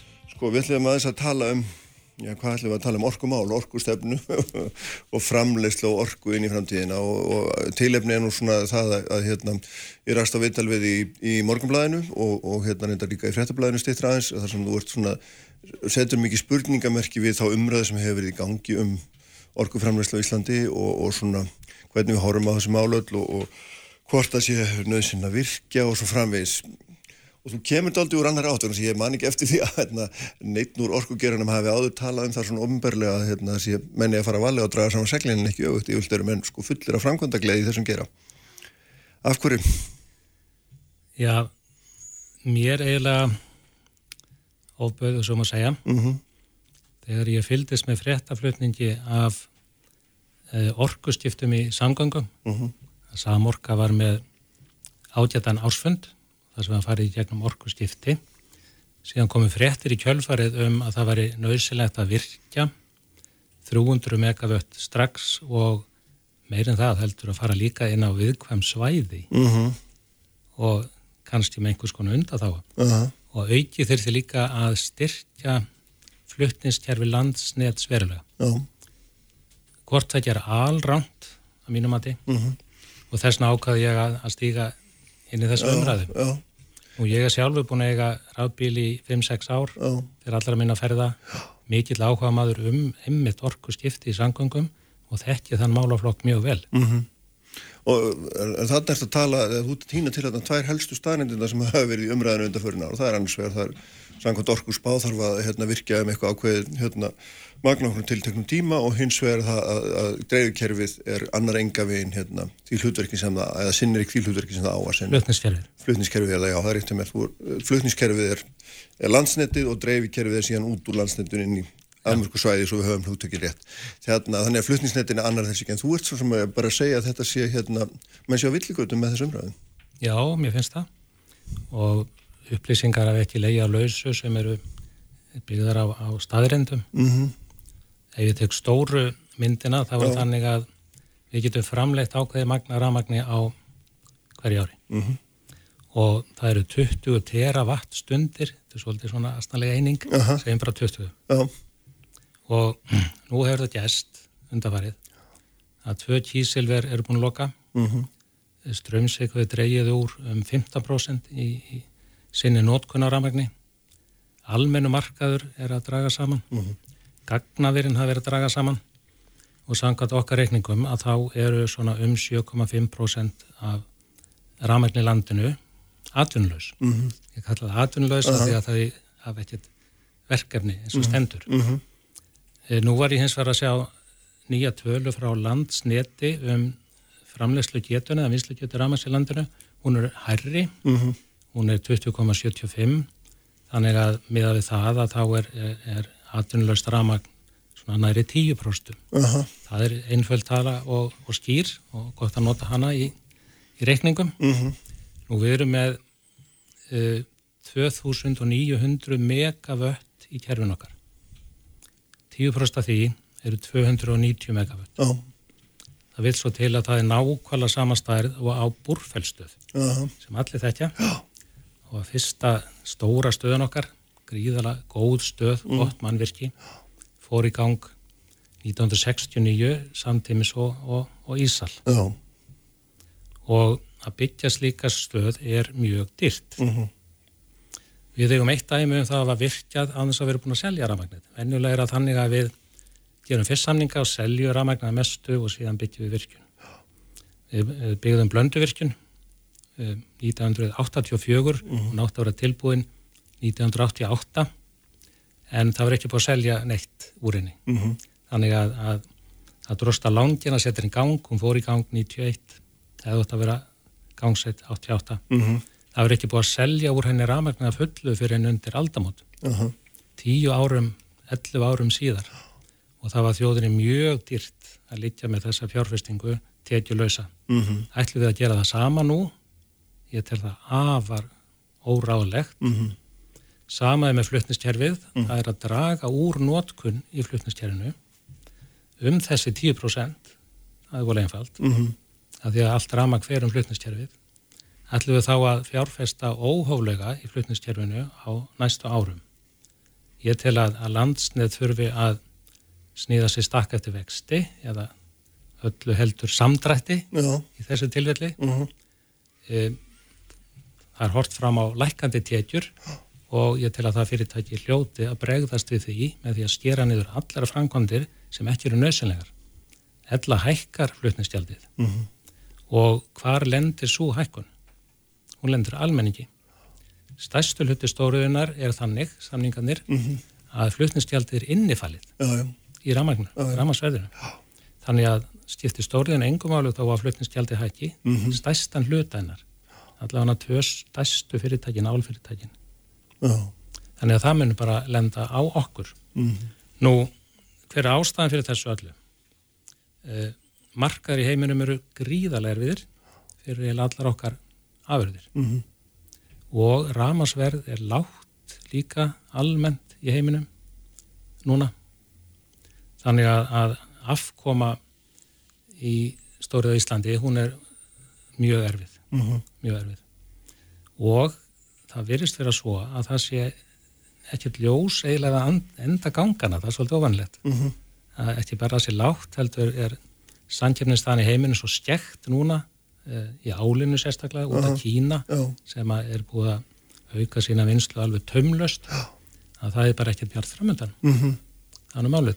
Nú síðan bætist við það að við erum stödd í miðju kófi og ef við horfum á kostnaðin við að byggja 300 megawatt og að fara með svona mikinn kostnað í flutnistjærið í að landsneti mm -hmm. að þá er það að stærra gráðinni 200-250 miljardar myndi halda mm -hmm. það er svona álika mikið og áallega tap ríkisjós á þessu ári ja. er skinsanlegt að leggja því svona fjárhustikar núna ég segi nei En þetta er alveg þvert á það sem maður hefur hefur bæði lesið og, og hlusta, ég var nú á ársfundi landsnæts fyrir líklega tveimur árum þar sem henni voru einmitt að fjalla um þessa framtíð sem varst að lýsa og, hérna, og þar hefði engin andmæli með því að þetta væri nöðsynlega, þetta er því, hérna menn væri bara virk upp í svona þá orgu þörf sem yrði inn í, í fyrirsánleiri framtíð, næstu 50 ári eða slíkt. Og hérna gerði og byggðu það einhverju orgu spá sem þú reyndar sagt að sé sennilega þá, eða hlítur að maður með að ráða orðinu og það sé ekki að markana sko þarna, ég veit ekki hvernig svona er auðvitað átt að segja að þú kemur alveg þvert á þetta einhvern veginn. Ég hef búin að halda þessu fram í mörg ár. Þetta er já, ekki nýtt. Nei, ekki nýtt. Í nýtt í mínir allavega? Já, já. Í, sko, mínum huga þá hljótu þessi þjóð að horfa á stöðum ála hverju sinni. Við getum ekki bundið fyrir augun og sagt að svona verður hlutnir eftir 50 ár mm -hmm. eða 40 ár. Það eru við sjár í heiminum í dag. Mm -hmm. Að tvennutóka bæði á mörguðum ramasmörkuðum, stóriðu afurðamörkuðum uh -huh. og síðan út af veirunni. Uh -huh. Við hljóttum að bregðast við því. Já, en hérna, sko, þegar þú ert að tala um að við hefum ekki að leggja í fjárfæstingi í flutniskerfunu, þá, þá spyrir maður sig auðvitað bara þessari einflita spurninga eins og til dæmis það að taka ramang austanalandi og norður og svo áfram vestur á fyrði. Ertu að tala um að það er svo fjárfæsting sé óþarf líka eða hvað? Ég hef búin að segja það ítrekkað og mm. alltaf í öllum minni kynningum að við þurfum að styrkja Eh, afhendingu til almennings mm -hmm. vestfyrir eru þar alveg sérstaklega mm -hmm. viðkvæmir nú Norðurlandið eigafræðsvæðið hefur verið það til skamstíma en þar er að rætast úr mm -hmm. bæðið er búið að byggja þeistareikjavirkjun sem er 90 megavött og það er verið að tengja kröplusvæðið vel inn á eigafræðsvæðið og fljótstalstöð inn á kröplusvæðið mhm. og þá er allt Norðausturlandið orðið eitt samtengt svæði sem er mjög stert mhm með háttið þúsund megavött og, og blanda af jargufu og vassafli mm -hmm. og má segja bara vandamál þess svæði sé úr sögunni til uh -huh. margra ára, hugsalega áratöga. Uh -huh. Þannig að það er bara vestfyrirnir en að vera sem að svona, þurfa á þessa styrkingu að halda. Það er eina sem eftir stendur. Þurfa verulega styrkingu, það uh -huh. er alveg ljóst og ég hef alltaf bent á það. Já en þér finnst ekki þá að er, það er taka hán úr kvalarvirkjum það er þá vantla úþarfi, heldur þitt að taka hann innan úr þessum tíu próstum sem að hérna eru, eru ja, laus. Það er ekki að taka ramagn og virkjum sem verður ekki byggð Nei, nei, nei, nei, akkurát Allavega þá er búið ákvæða En með stúrstu væri það, það þá ekki góð okkur Það er búið ákvæða að setja það verkefni í dvala. Já, já. hvort að það er til frambúðari ekki. En það er í áætlun landsnett til næstu 34 ára að leggja úr kvalá, mm. kvalávirkjun 2,3 miljardar en það er líka á áallun hjá landsneiti á sama tíma að leggja 3,2 miljardar í aðra styrking á vestfjörum. Mm. Ég kann ekki sko teknilega nákvæmlega í hverju þetta, hverju þetta felst nei, nei. og hvað er rétt að gera og hvað þarf til að tryggja fullu en, en aðfendingar öryggi á vestfjörðum mm -hmm. er ófullnægandi og það mm -hmm. verið lengi. Já, já. En hvernig sko þínum að þið lendu við á þá, þessum villigötum sem við erum þá greinilega á, fyrst við erum með þessar gríðalegu framkvæmdaspárin hérna. Það er fullkomin óþarfi. Sko, ég segja að, að umræðan hafi verið á villigotum eða mér sínist það. Já, já. og það er vegna þess að, að góðar og, og gildar upplýsingar líka ekki fyrir á hverjum tíma. En, en við erum ekki komin inn á villi gödurnar sjálfar. Nei, það er að segja akkúrat. bæði í framkvæmdum Mhm. í, í flutniskerfi og, og, og virkjunum og slíkt Mhm. og, og góð umræða kannski forðar okkur frá því Mhm. Þannig að í dag væri rétt að skrefi að þínum að þið væri einfallega að, hérna, að spilna við fæti og, og, hérna, og svona lítið við svið og býða. að sjálfsögðu eigum við að býða við þurfum ekki að byggja virkjanir sem engi þörfi fyrir Nei. það væri já, það segir sér sjálf Já, já, jú, jú, eðlilega, en er ekki, telur ekkit að það sé, er ekkit í pípunum annað því með, einhver, með einhverju hljótamenn að vera að reikna í smerri stóriðju og svo má kalla orkufrekum hérna, eða svona stærri notendum, hvað það heita gagna ver, einhverju önnur ver sem er að koma, meina, á einhverju lítur þetta að vera Jó, byggt. að, að, að sjálfsögðu eru vakstar möguleika víða og Mm. skemmtilegir og, og með allt verum hætti og allt verum sniði ég nefnir til dæmis kólefnisförgun og stórum skala gríðara spennandi verkefni og hugsalega gagnaver og, og, og fleira og fleira Mhm. en staðin í dag er svo að það er engin hætta á rama skorti en það er hins vegar verulega hætta á stórfeldu og skyndilugu offrambóði á ramagni Mhm. ef að, ef að stór kaupandi dettur úr skaftinu skyndilega Já. að þá eru þeirri stöðu að kannski 20% eða 30% af öllu ramagnin í landinu um, er án atvinnu eins og ég segi það Mm, mm, mhm. enn og aftur og að koma slíku magni í nótkunn getur tekið fjölda ára Já. 5-10 ár eh, eins og reynsla okkar sínir og kannski lengur vegna þess að markaðir eru erfir Mhm. í dag Já. bara mjög erfiðir og við sjáum ekki fyrir endan á, á kórnverðinni Mhm, mhm. og þetta er, er, þetta er eitthvað sem við sem þjóð hljótum að skoða og skoða þetta sem þá eina af mögulegum sviðismyndum á orkusviðinu. Að við stöndum allt í hennu frammi fyrir því að við séum með allt, allt og mikið ramagni í landinu. Já, þannig ertu þetta, já, ert vantalega að vísa til þess að, hérna, vísa til Ríó Tinto, alveg strömsvík sem auðvitað hefur verið marglist yfir að, hérna, komi allt eins til greina að, að loka. Já, ég er, ég, já, já, ég, ég, er sérstaklega að horfa til Ísal, það er Já, alltaf já, rétt. og ég er ekki spámaður. Nei. og kann ekki að spá. Ég er hins vegar að reyna að rýna bara í staðreindir og draga af því álítanir Mhm. og við veitum að, að markaðurinn er mjög erfiður, álverið hefur verið réttið með tapi í mörg ár, það er orðið gamalt, það komið til ára sinna, Mhm. rúmlega 50 og, og, og svona að halla undir lokin í, æfi skeiði þess, svona Mhm. meða við sem Já, já, öðru og það er lítið, það er til dærulega lítið Já. með að við önnur alver Mhm. eh, þannig Þannig að, að- að þetta hvort það gerist á, á, á morgun eftir fimm ári eða tíu ári, ég hef ekki hugmynd um það. En, en ég vil líka taka það fram að það er ekki minn vilji en þið fæ ég engu um það ráðið að það loki. það er svo, svo langt ifrá ég vildi helst að það eftir mörg, mörg ár eh, ólifuð sko, við góðan rekstur. Svo það sé sagt. Já, einmitt, já, já, ég skildi, en þú ert bara svona reyna að sjá fyrir þig stöðuna og þá hlýtum að líka svona, fyrst þú nefnir þetta sérstaklega, sko, þetta er orðið þetta gammalt 50 ára og kannski líftíminn einhver 60 eða eitthvað svoleiðis að þetta eru þetta, hérna, uh, óhjákvæmilegt. það er, já, já, Í, þetta er í, í, í mjög náinni framtíð, að þess að þú nefnir að vera með 10% aturlösta rafmagnir núna og þarna bætast einhver, er það ekki cirka 20% sem þeir taka, það er allt í 15% kannski, Jú, jú, þeir eru mjög stór kaupandi, Já. þriðji stærsti kaupandin, þriðji langstærsti kaupandin. Já, já, þeir eru alltaf bara þrýr, þetta er svona Já, að grunni. Sko, tvö, hinn, álverðin tvö taka um það bíl eða tæplega helmingin öllur að landinu. Já. Um, Ísal tekur 3,4 teravastundir að þessum 22 Já. og, og þannig að, að þessi þrjú álverð saman taka kannski 3-4 öllur að landinu. Já, sko maður hefur oft uh, nokkur sem að minnst að kosti reynda að yfirheyra forsvarsmenn landsvirkjunar um þessa stöðu. Við erum þessi þrjú hérna risastóru fyrirtæki sem er að taka einhver 75% held ég af allri orku sem við framliðum og þarna hversu gríðarlega áhættar í þessu fólkin og þá hafur manni alltaf verið svara með þeim hætti að hérna, áhættan sé að þessi dreyjur henni með langtíma samningum. En hvernig horfir það við í þessari sviðsmynd sem að Sko, ég er náttúrulega að sjálfsögðu ræði ekki um samninga annara fyrirtækja. Nei, nei. Er, en þú getur hort yfir sviðið. Það er, það Hvernig er, áttu maður um það? það er alveg ljóst. Mm.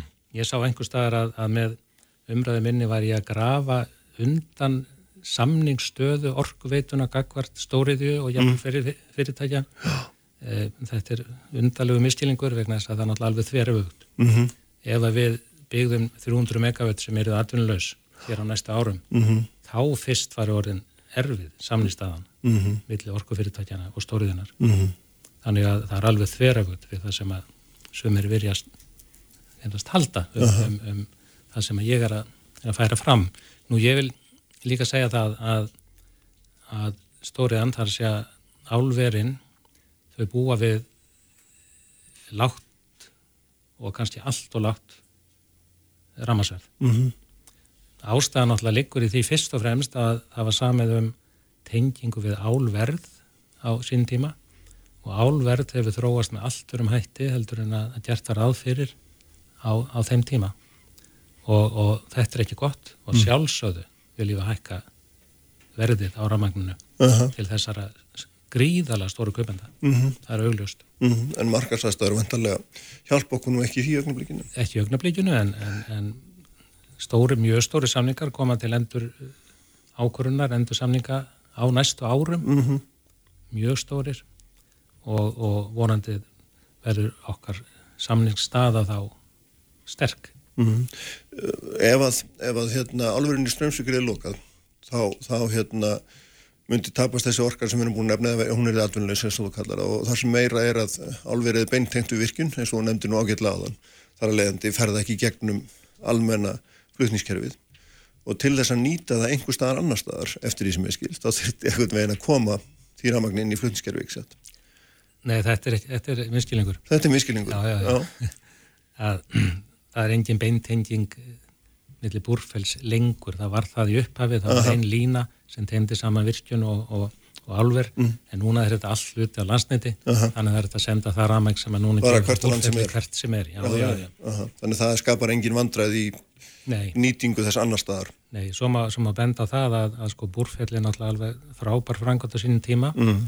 eh, hún er orðin svo virkjun er orðin 50 ára gömul rúmlega það, hún er eins og ný Mm -hmm. hún er 280-90 megawatt mm -hmm. hún geti hennst í 50 ár jafnvel 100 ári viðbót uh -huh. og, og þannig að þetta er framtíðar egn uh -huh. og, og, og góða allan hátt uh -huh. á meðan að álverðin hafa bara skemmri líftíma En hvað hérna hvernig eru viðbröðir svona almennt í þessum bransa þegar þú kemur inn og hérna lýsir þessari afstöðunum um að það sé rétt að hérna, staldra við og býða og sjá hvernig mál þróast og veri ekki að huglega það að hvorki virkjani hérna fari stórfældar framkvæmdir á flutnisneti? Öll viðbröð sem ég hef fengið mm. hafa verið jákvæð og mjög jákvæð. Mm -hmm. Fólki finnst gott að fá aðra sín og fá meiri upplýsingar og frá fleiri hliðum, mm -hmm. þannig að ég finn ekki nema mjög jákvæð. -hmm.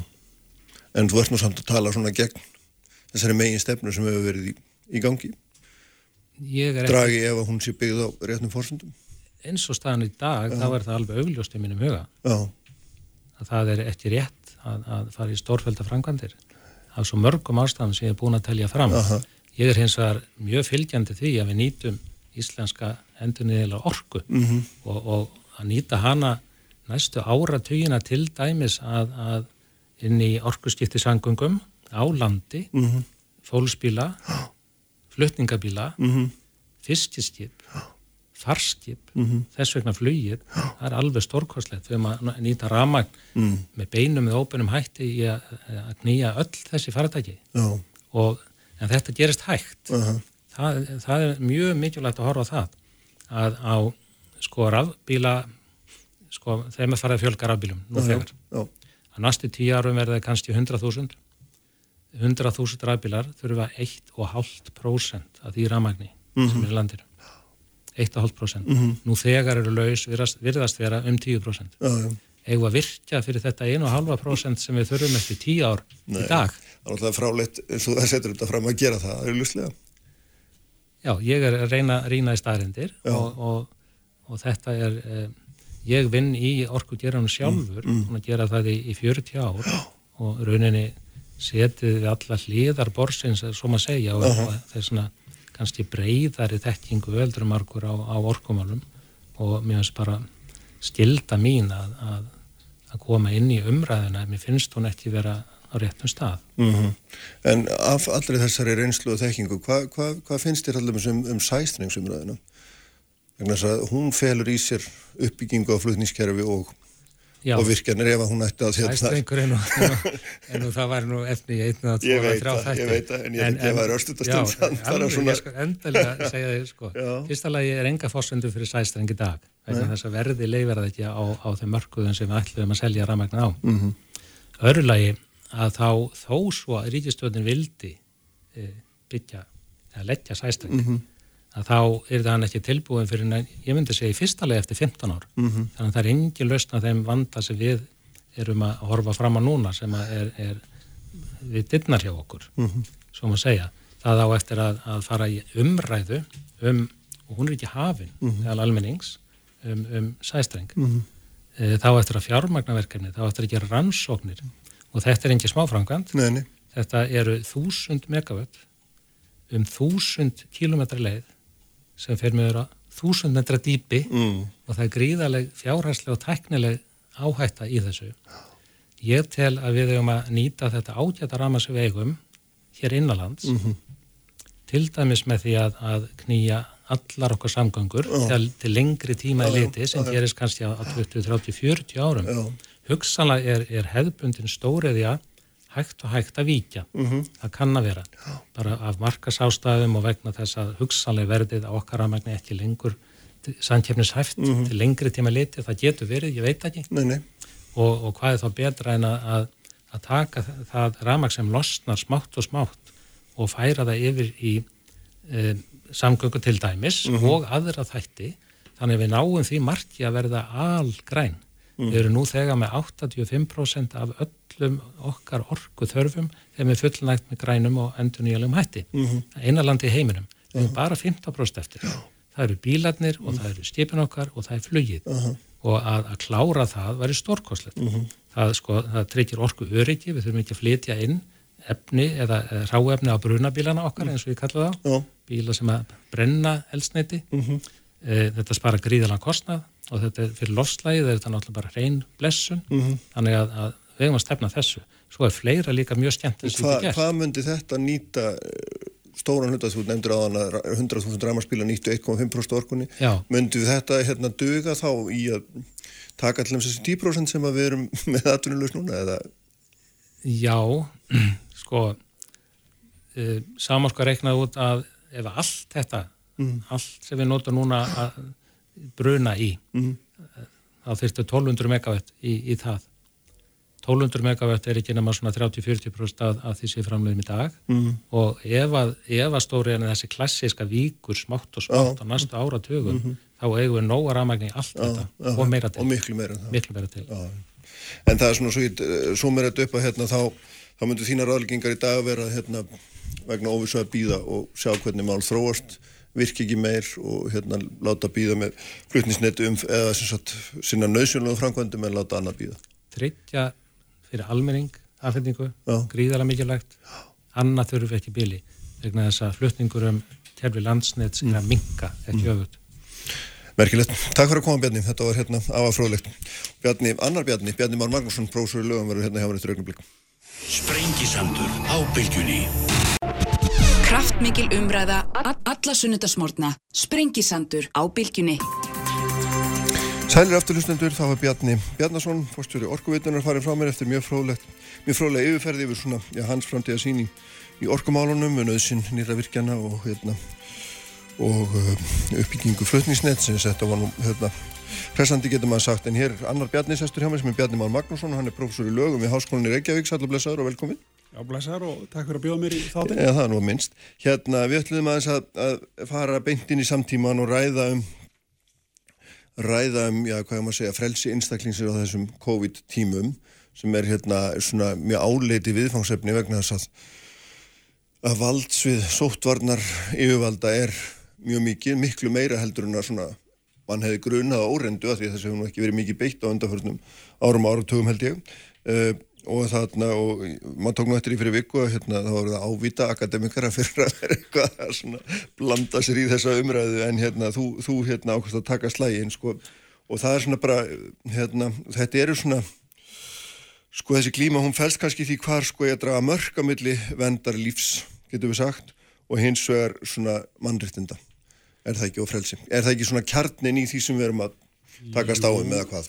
Það má kannski, jú, kannski orða þannig mm. og, og það verður náttúrulega að hafa í huga að í svona ástandi mm. að þá geta stjórnvöld gengið ansi langt Já. og bara vegna frumskildu sinnar að vernda réttin til lífs og hilsu e, og stjórnvöld geta réttlægt ímislegt e, á grundvelli neðaréttar mm.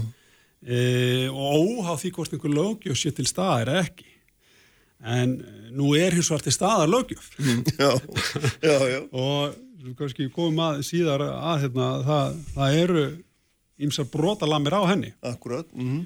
en það er kannski eitt sem ég vil sko benda á í tengslum við þessa umræðu um um svona tjáningu um þessi mál já. og, og það komið um rættir að því að senka umræðu? Já, já, já, já, um þessi mál sko.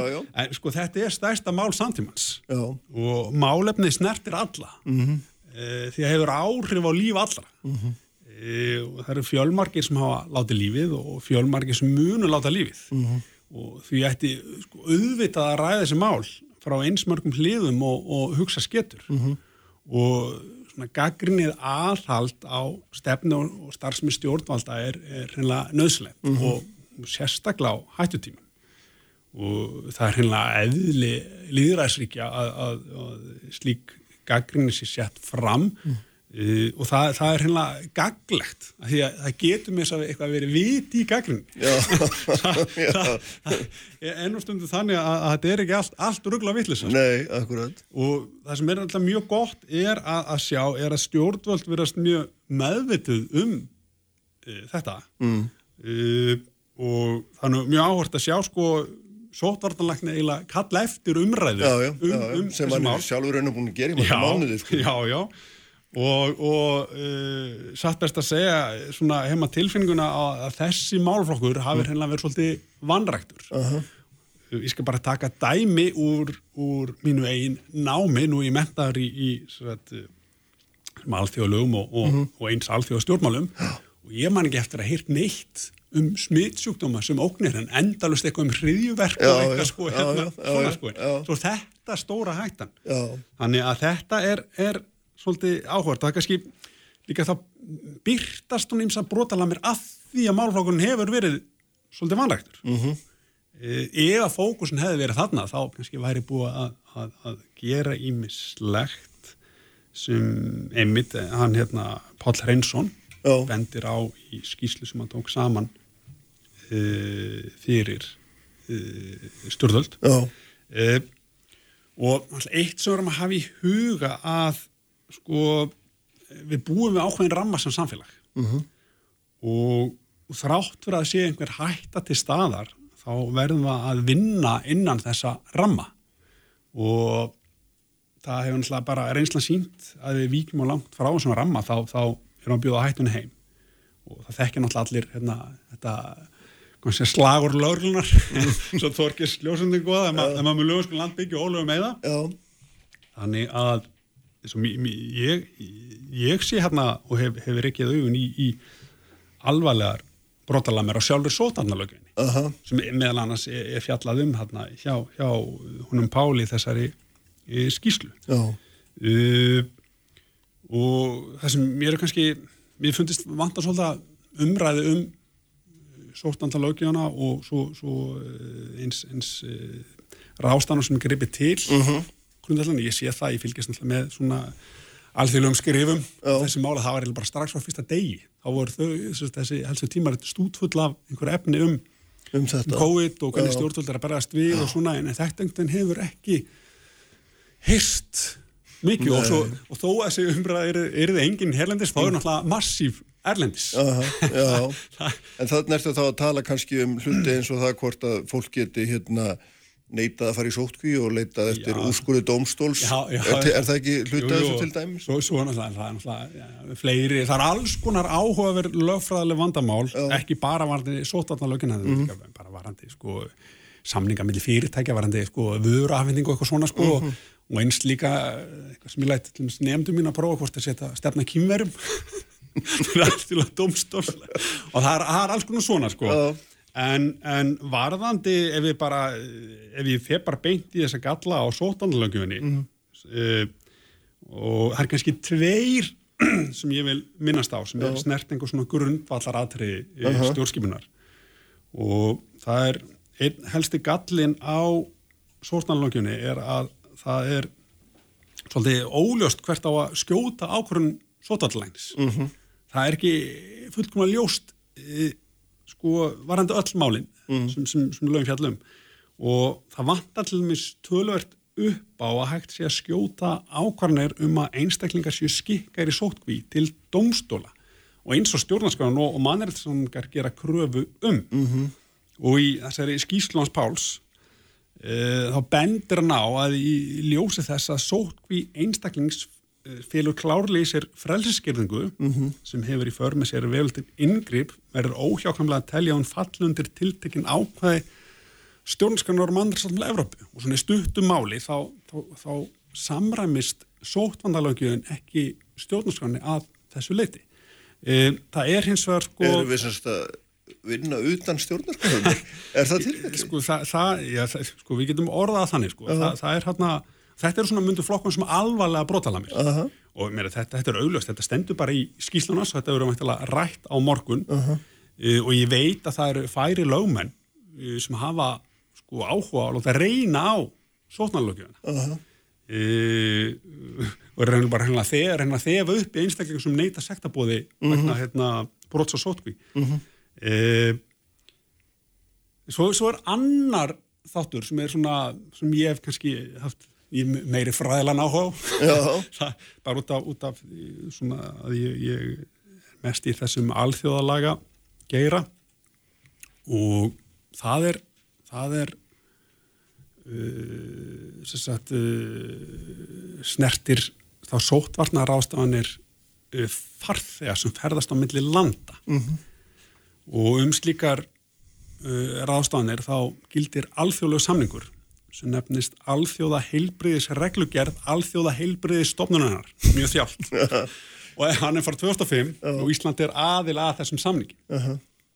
og núgildandi sótvarnalög byggja mjög á reglugerðinni uh -huh. sem er, hann heitir reglugerðin er alþjóða samningur, svolítið rugglandi en allan að sótvarnalögin vísa nokkur sem til þessarar reglugerðar eða alþjóða samnings og þegar íslensk lögjöf vísar til alþjóðsamlinga með þessum hætti þá er ekki nóg að íslenska ríkið hafi gest aðil að umrættum samningi það er nefnilega lagaskild að byrta samningin í stjórnatíðundum sé, svo hægt sé að beita honum gangvart borgurinn mm -hmm. í þessum tilugum og sko í álitsgerð hans Páls það kemur fram að reglgerðin uh, hafa ekki verið byrt í séteild stjórnatíðanda mm -hmm.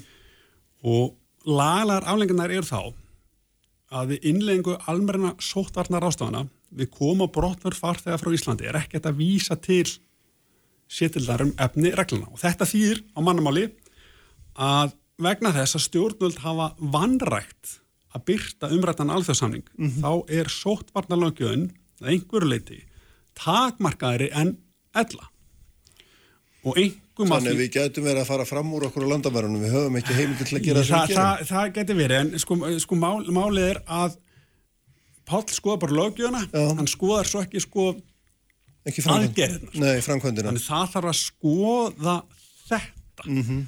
og, og hverjar sko, nákvæmar afleðingar af þessu eru. E, og þetta til dæmis hefur einhver áhrif á, á lögmætti gjaldtökuheimildar mm -hmm. í sótvarnarlögunum í tengslum eftirlit á, á landamærum. Og þetta er bara eitthvað atrið sem þarnast ítalara skoðunar og, og sko, ég, ég hefði viljað sjá fjölmenn að spurja þessu sko. Oh. þetta er kannski, kannski lúsles ekki 50% skýrslu sótvarnarlöguna Nei, verður margir hjáta það.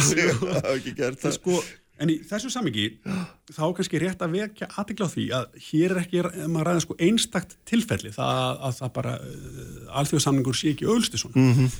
Sko alþjóða heilbyrðisreglingerinn er einingins einn þeirra 300 alþjóðsamninga sem stjórnvöld hafa vanrægt að byrta í sétild stjórnatíðenda uh -huh. og fjöldin allur af lögum og reglingerðum beitir sumu tækni og sótanlögin. Það er að vísa til alþjóðleira mm -hmm. skuldbendinga og út af þessu það má telja hafa líklegt að fjölmörg sambarleg tilvik séu til staðar í íslensku réttakerfi og, og svona í stuttumáli þá heitir þetta bara nexli.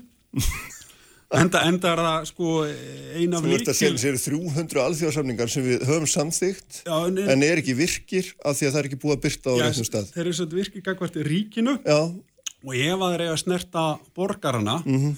þá þarf að byrta þau sétildinni og það er bara ekki meðan það er ekki gert þá erum við ekki sem borgar að skuldbundir að þeim. Sko, e eða ég skilja það rétt. Já, ef það er búið að setja þið svona lögjöf mm -hmm. það þarf að, þarf að innlega þetta í íslenska rétt þess að byggja á þessu að þá erum við ekki búin að, að, að og þessi sótvarnarreglugerði er eina af þessu. Já, þessi alþjóða helbærsregling er eina af þessu. Og, og sko ég bara átta mikið á þetta er sko, þetta er raunverulega skandal já. Eh, og þetta þetta er óskiljanlegt að þessi trasaskapur hafi viðgengist í, í, í sko me, meirin áratug. E, og það er náttúrulega það er eina af sko líkil kröfum réttaríkisins að reglur séu byrtar almenningi. Mm -hmm. e, og það er ekki verið að gera það þarna. Uh -huh. þannig að við erum hérna með dæmi úr sótnáralögjöfinni það sem, það sem um, og segja að reyni á stjórnarskona og svo var þetta að byrta skuli mm. þá reglur oh. almenningi.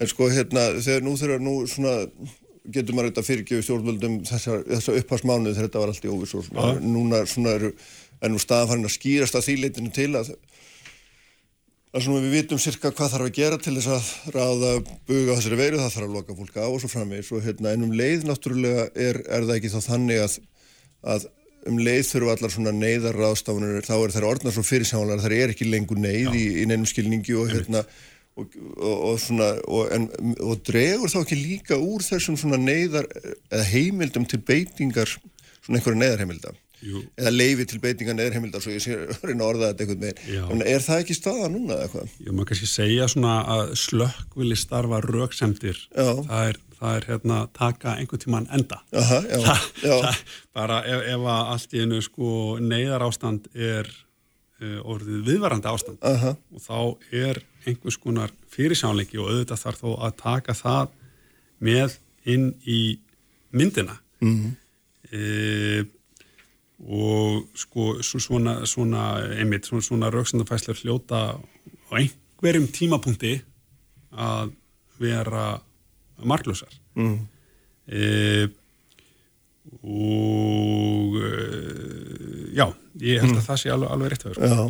En sko, ef við tölum aðeins um líka hérna, þessi svona valdmörk á milli það er maður að segja embættismanna og, og kjörin að fulltrúa, en það er eitt af því sem að fóra að fyrir það sjá svona já. bara snemmi sumar og ég held að svóttvartanleikinu hafa nú bara já. sjálfur verið viljastu til að ræða það að, hérna, já, að hann segir nákvæðinni voru farnar að hafa áhrif langt út fyrir það sem var svona hann hefur eitthvað umbúð til þess að tala um í efnaðs hérna, afleðingar og svo leiðis eða, eða þú veist, þetta var mjög, hafði mjög víðfæðmar hvað er liggja þessi mörg svona manni fannst á tímanbili að hérna, kjörni fulltrúar þeir einlega bara fóru bara í skjól af ennbætsmönnum og svo við gerum þetta bara eins og þeir og tók enga ábyrðaði hvaða Já. afleðingar þetta hefði, ég, mena, ég veit ekki, mér fannst það allavega.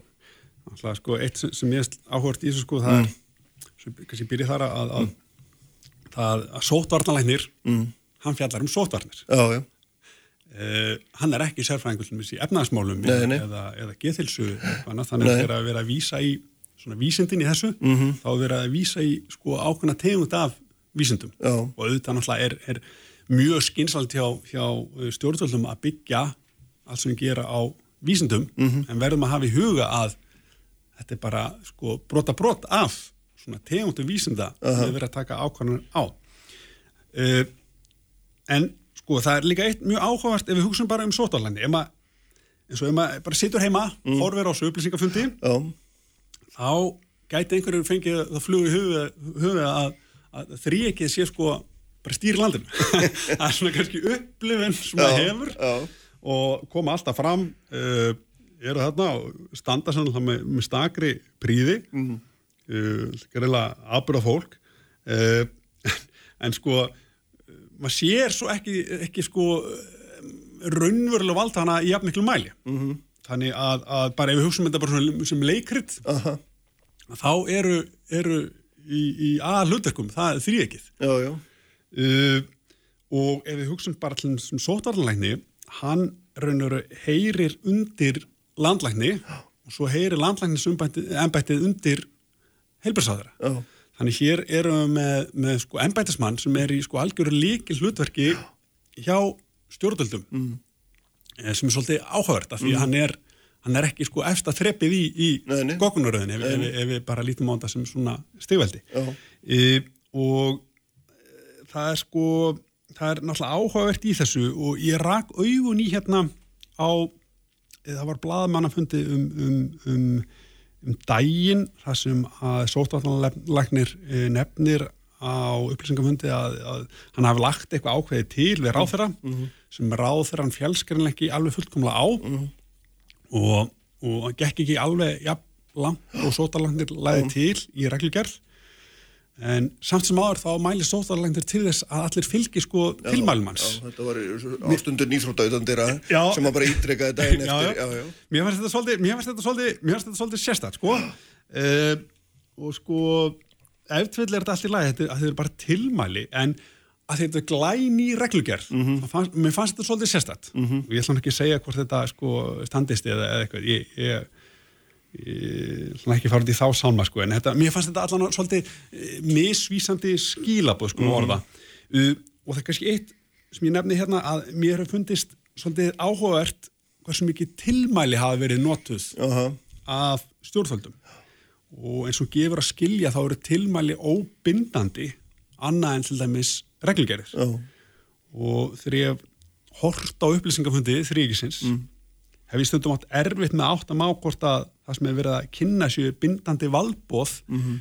eða, eða óbindandi tilmæli kannski bara því löffræðingur hugsa, hugsa eftir, eftir, eftir þess en, en sko ég spyr sennilega í framhaldinu sko hversu lengi er þetta stjórna mikilvægi þáttum mm -hmm. í lífi borgarna með almennum tilmælum sem getur þá valdið núningi og skömmum í samskiptu borgarna því þeir þá heimfæra tilmæli með mismönda hætti á sitt dæla líf, tólkaði með mismönda hætti eða bara miskilja og einhverju hafa orðað þetta þannig að sko að þessi vera framfylgja almennum tilmælum ennbætismanna með almennri skömm í fjölmiðlum og, og samfélagsmiðlum.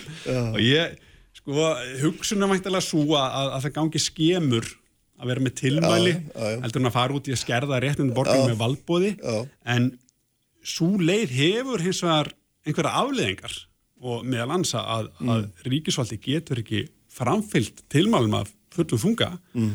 e, einhver vill ekki fara eftir mig ég vil fara um næstu helgi og kera ringveginn tvísvar og svo vera, vera að hveta til þess að maður hérna, já, já, en, en hérna það, það, þá, þá getur ekki stöðu að það á sko grundlega tilmæla. Mist þetta fyrir lítið rætt og svo mm. náttúrulega kemur það að núna eru, núna eru hérna, sveitafjölum farin að sko benda á að hvetja borgarbúið þess að fara hann eftir hérna, tilmælum og koma ekki til sín já, já. Sem, er, sem er svolítið, þetta er svolítið áhugavert og þetta kannski býður svolítið hættunni heim sko bara varandi svona núning hjá, hjá almennum borgurum mm -hmm, mm -hmm. því þeir fara einhvern veginn að reyna framfylgja þessu en, en það, sko, ef við horfum á stórmyndina þá hérna held ég að sé að verum vitni núna að meiri núning millir lögjavals og framkvæmdvals uh -huh. því náttúrulega ennbætsmennir hafa verið að ræða það við ríkistórnuna og ríkistórnun hefur náttúrulega verið alltaf vera að fjalla um þetta eh, en alþingi hefur ekkert verið Nei, miklu minna, miklu minna ja. og það er kannski byrtast núna einhver, einhver uh, sko svona átök bara svona milli þessara valdþáta uh, milli framkvæmdavalsins og lögjövalsins og uh mhm. Sem ekki bara sagt beint út og þá, þá er náttúrulega bara íslensk hefða framkvæmdavaldið valdar yfir lögjövalsins svona ef maður talar svona hérna, hvað maður segja, ópent. En þarna, við þurfum að fara að ljúka. En sko, eitt af þessu sem er mjög áhugavert í þessu samhengi finnst mér vera það allum sem að fylla annar landa horfið til Berlínar. Uh, hérna, og líka hérna til Madridar þá, er, þá hafa menn í báðum þeim borgum farið fyrir domstóla með mál knæpuðandur í Berlín fórum bara held í hind á förstæðin með mál þar og þar sem að þeir fengu aflétt lokun á sig. Ára 11 knæpuegundur sem bara fóru fyrir domstólun og svo við viljum hafa opið. Og domstólun sagði bara já, þið megin og þarna, og, og, og við að hafa komið upp dómsmál, það hefur ekkert komið upp hér en þú ert svona vast að í að því áðan að það gæti alveg komið upp Já, einhver. ég, ég held að það sé bara tíðanspörsmál Já, Alltaf það er, að það er, það er uh, alltaf komin einhver, sko, einhver svona viðskiptamál sko. já, það sem reynir á uh, samninga afhending og vöru og, þjónustu og eitthvað svona sko. En, en uh, ég held að sé bara tímaspörsmál hvernig, hvernig reyður, reynir á, á svona lögjum sótkví, eða nei, hérna fyrir geðum um, hérna, svo dörnir, já, og, og það er bara það sem ég heyri út undan mér. Já, meðal, meðal hérna já. lögfrænga sko. Já. En það sem var líka svona áhugavert náttúrulega um daginn var, var sko það þegar þið byrjuði að elda kreditkort eða elda fólk Já, eftir kreditkortafæslum og persónumenn saði bara strax, þetta er allt í lagi en ég hef séð nokkra lagfræðingar skrifa nú þegar um að þetta sé sennilega nöðsynlega að fara með þetta Já, fyrir dóm til þess að fá þetta leifi ég meina hvað Sko, það- hérna, tvær myndur sko, ég, ég held bara hreinlega að þetta, þetta verður kannski svo bankarunnið kannski ekki alveg en, en það mun koma upp fullt af dómsmálum Já. í tengslum við, við þetta ástand sem er í gangi. Já. að því náttúrulega þetta er að þetta er náttúrulega að lama þjóðfélagið Mm. að, einhverju leiti mm. og, og er, að, er að hafa margvísleg áhrif e, þannig að, að e, mér þætti bara mér þætti bara furðulegt Já. ef enginn sem er að verða fyrir, fyrir verulegu eh, tjóni bara Mm. jafnvel, sér fram á gjaldþrótt mun ekki reyna að láta reyna á svona sko. bara, maður hugsa bara svona sjálfsberga viljandi sko, reyna að komast út úr hérna einhverjum erfiðum aðstæðum. Mm. og, og eins og varst að nefna þá, þá er, er, er hafa verið hefur verið farið mál hér og þar. Já, já, um einmitt heimsbyðina sko þetta eru sko svona lögfræði ritt svona á netinu sko. Þau eru stút full um umfjöllun um, um alls þetta. konar svona uh, fleti. Já, já. Hvort- En um leið hefur náttúrulega sótvarnalæknir og sótvarnalæknir hafa náttúrulega gríðalega sterkar heimildir. Já, það er náttúrulega ekki spurning um það og minnst nú, þarna, Páll kemst náttúrulega því að svona í langflestum tilveikum eru við innan þeirra, er það ekki? Jú, jú, ekki segja sko, það? jú það, það er hans að hann, hann, hans að bendir á sko uh, þannig að sko þó að þó að sé einhver gallar á já. þá, þá er hann ekki, handónýtt það, það er ekki þannig Nei, nei. en þessi gallar bjóða upp í sko hættulegan dans Já, akkurat. það er, það er uh, vandamálu og við viljum fyrirbyggja það. Nákvæmlega, við höfum að sjá hérna hverju þessu framvindur, hérna, takk fyrir að koma með því. Það var fróðilegt yfirleitt og hérna við erum að láta sprengisendurinn loki í dag. Ívar Jóhann Haldursson var auðvitað við, við takkana eins og venjulega. Og hérna allt efnir á vísi.is og bilgjam.is og svo er hægt að finna okkur á Spotify og viðar þar sem hægt er að hlusta á þetta sem podcast. En ég verður svo sjálfur með ykkur hér aftur eftir viku, verið.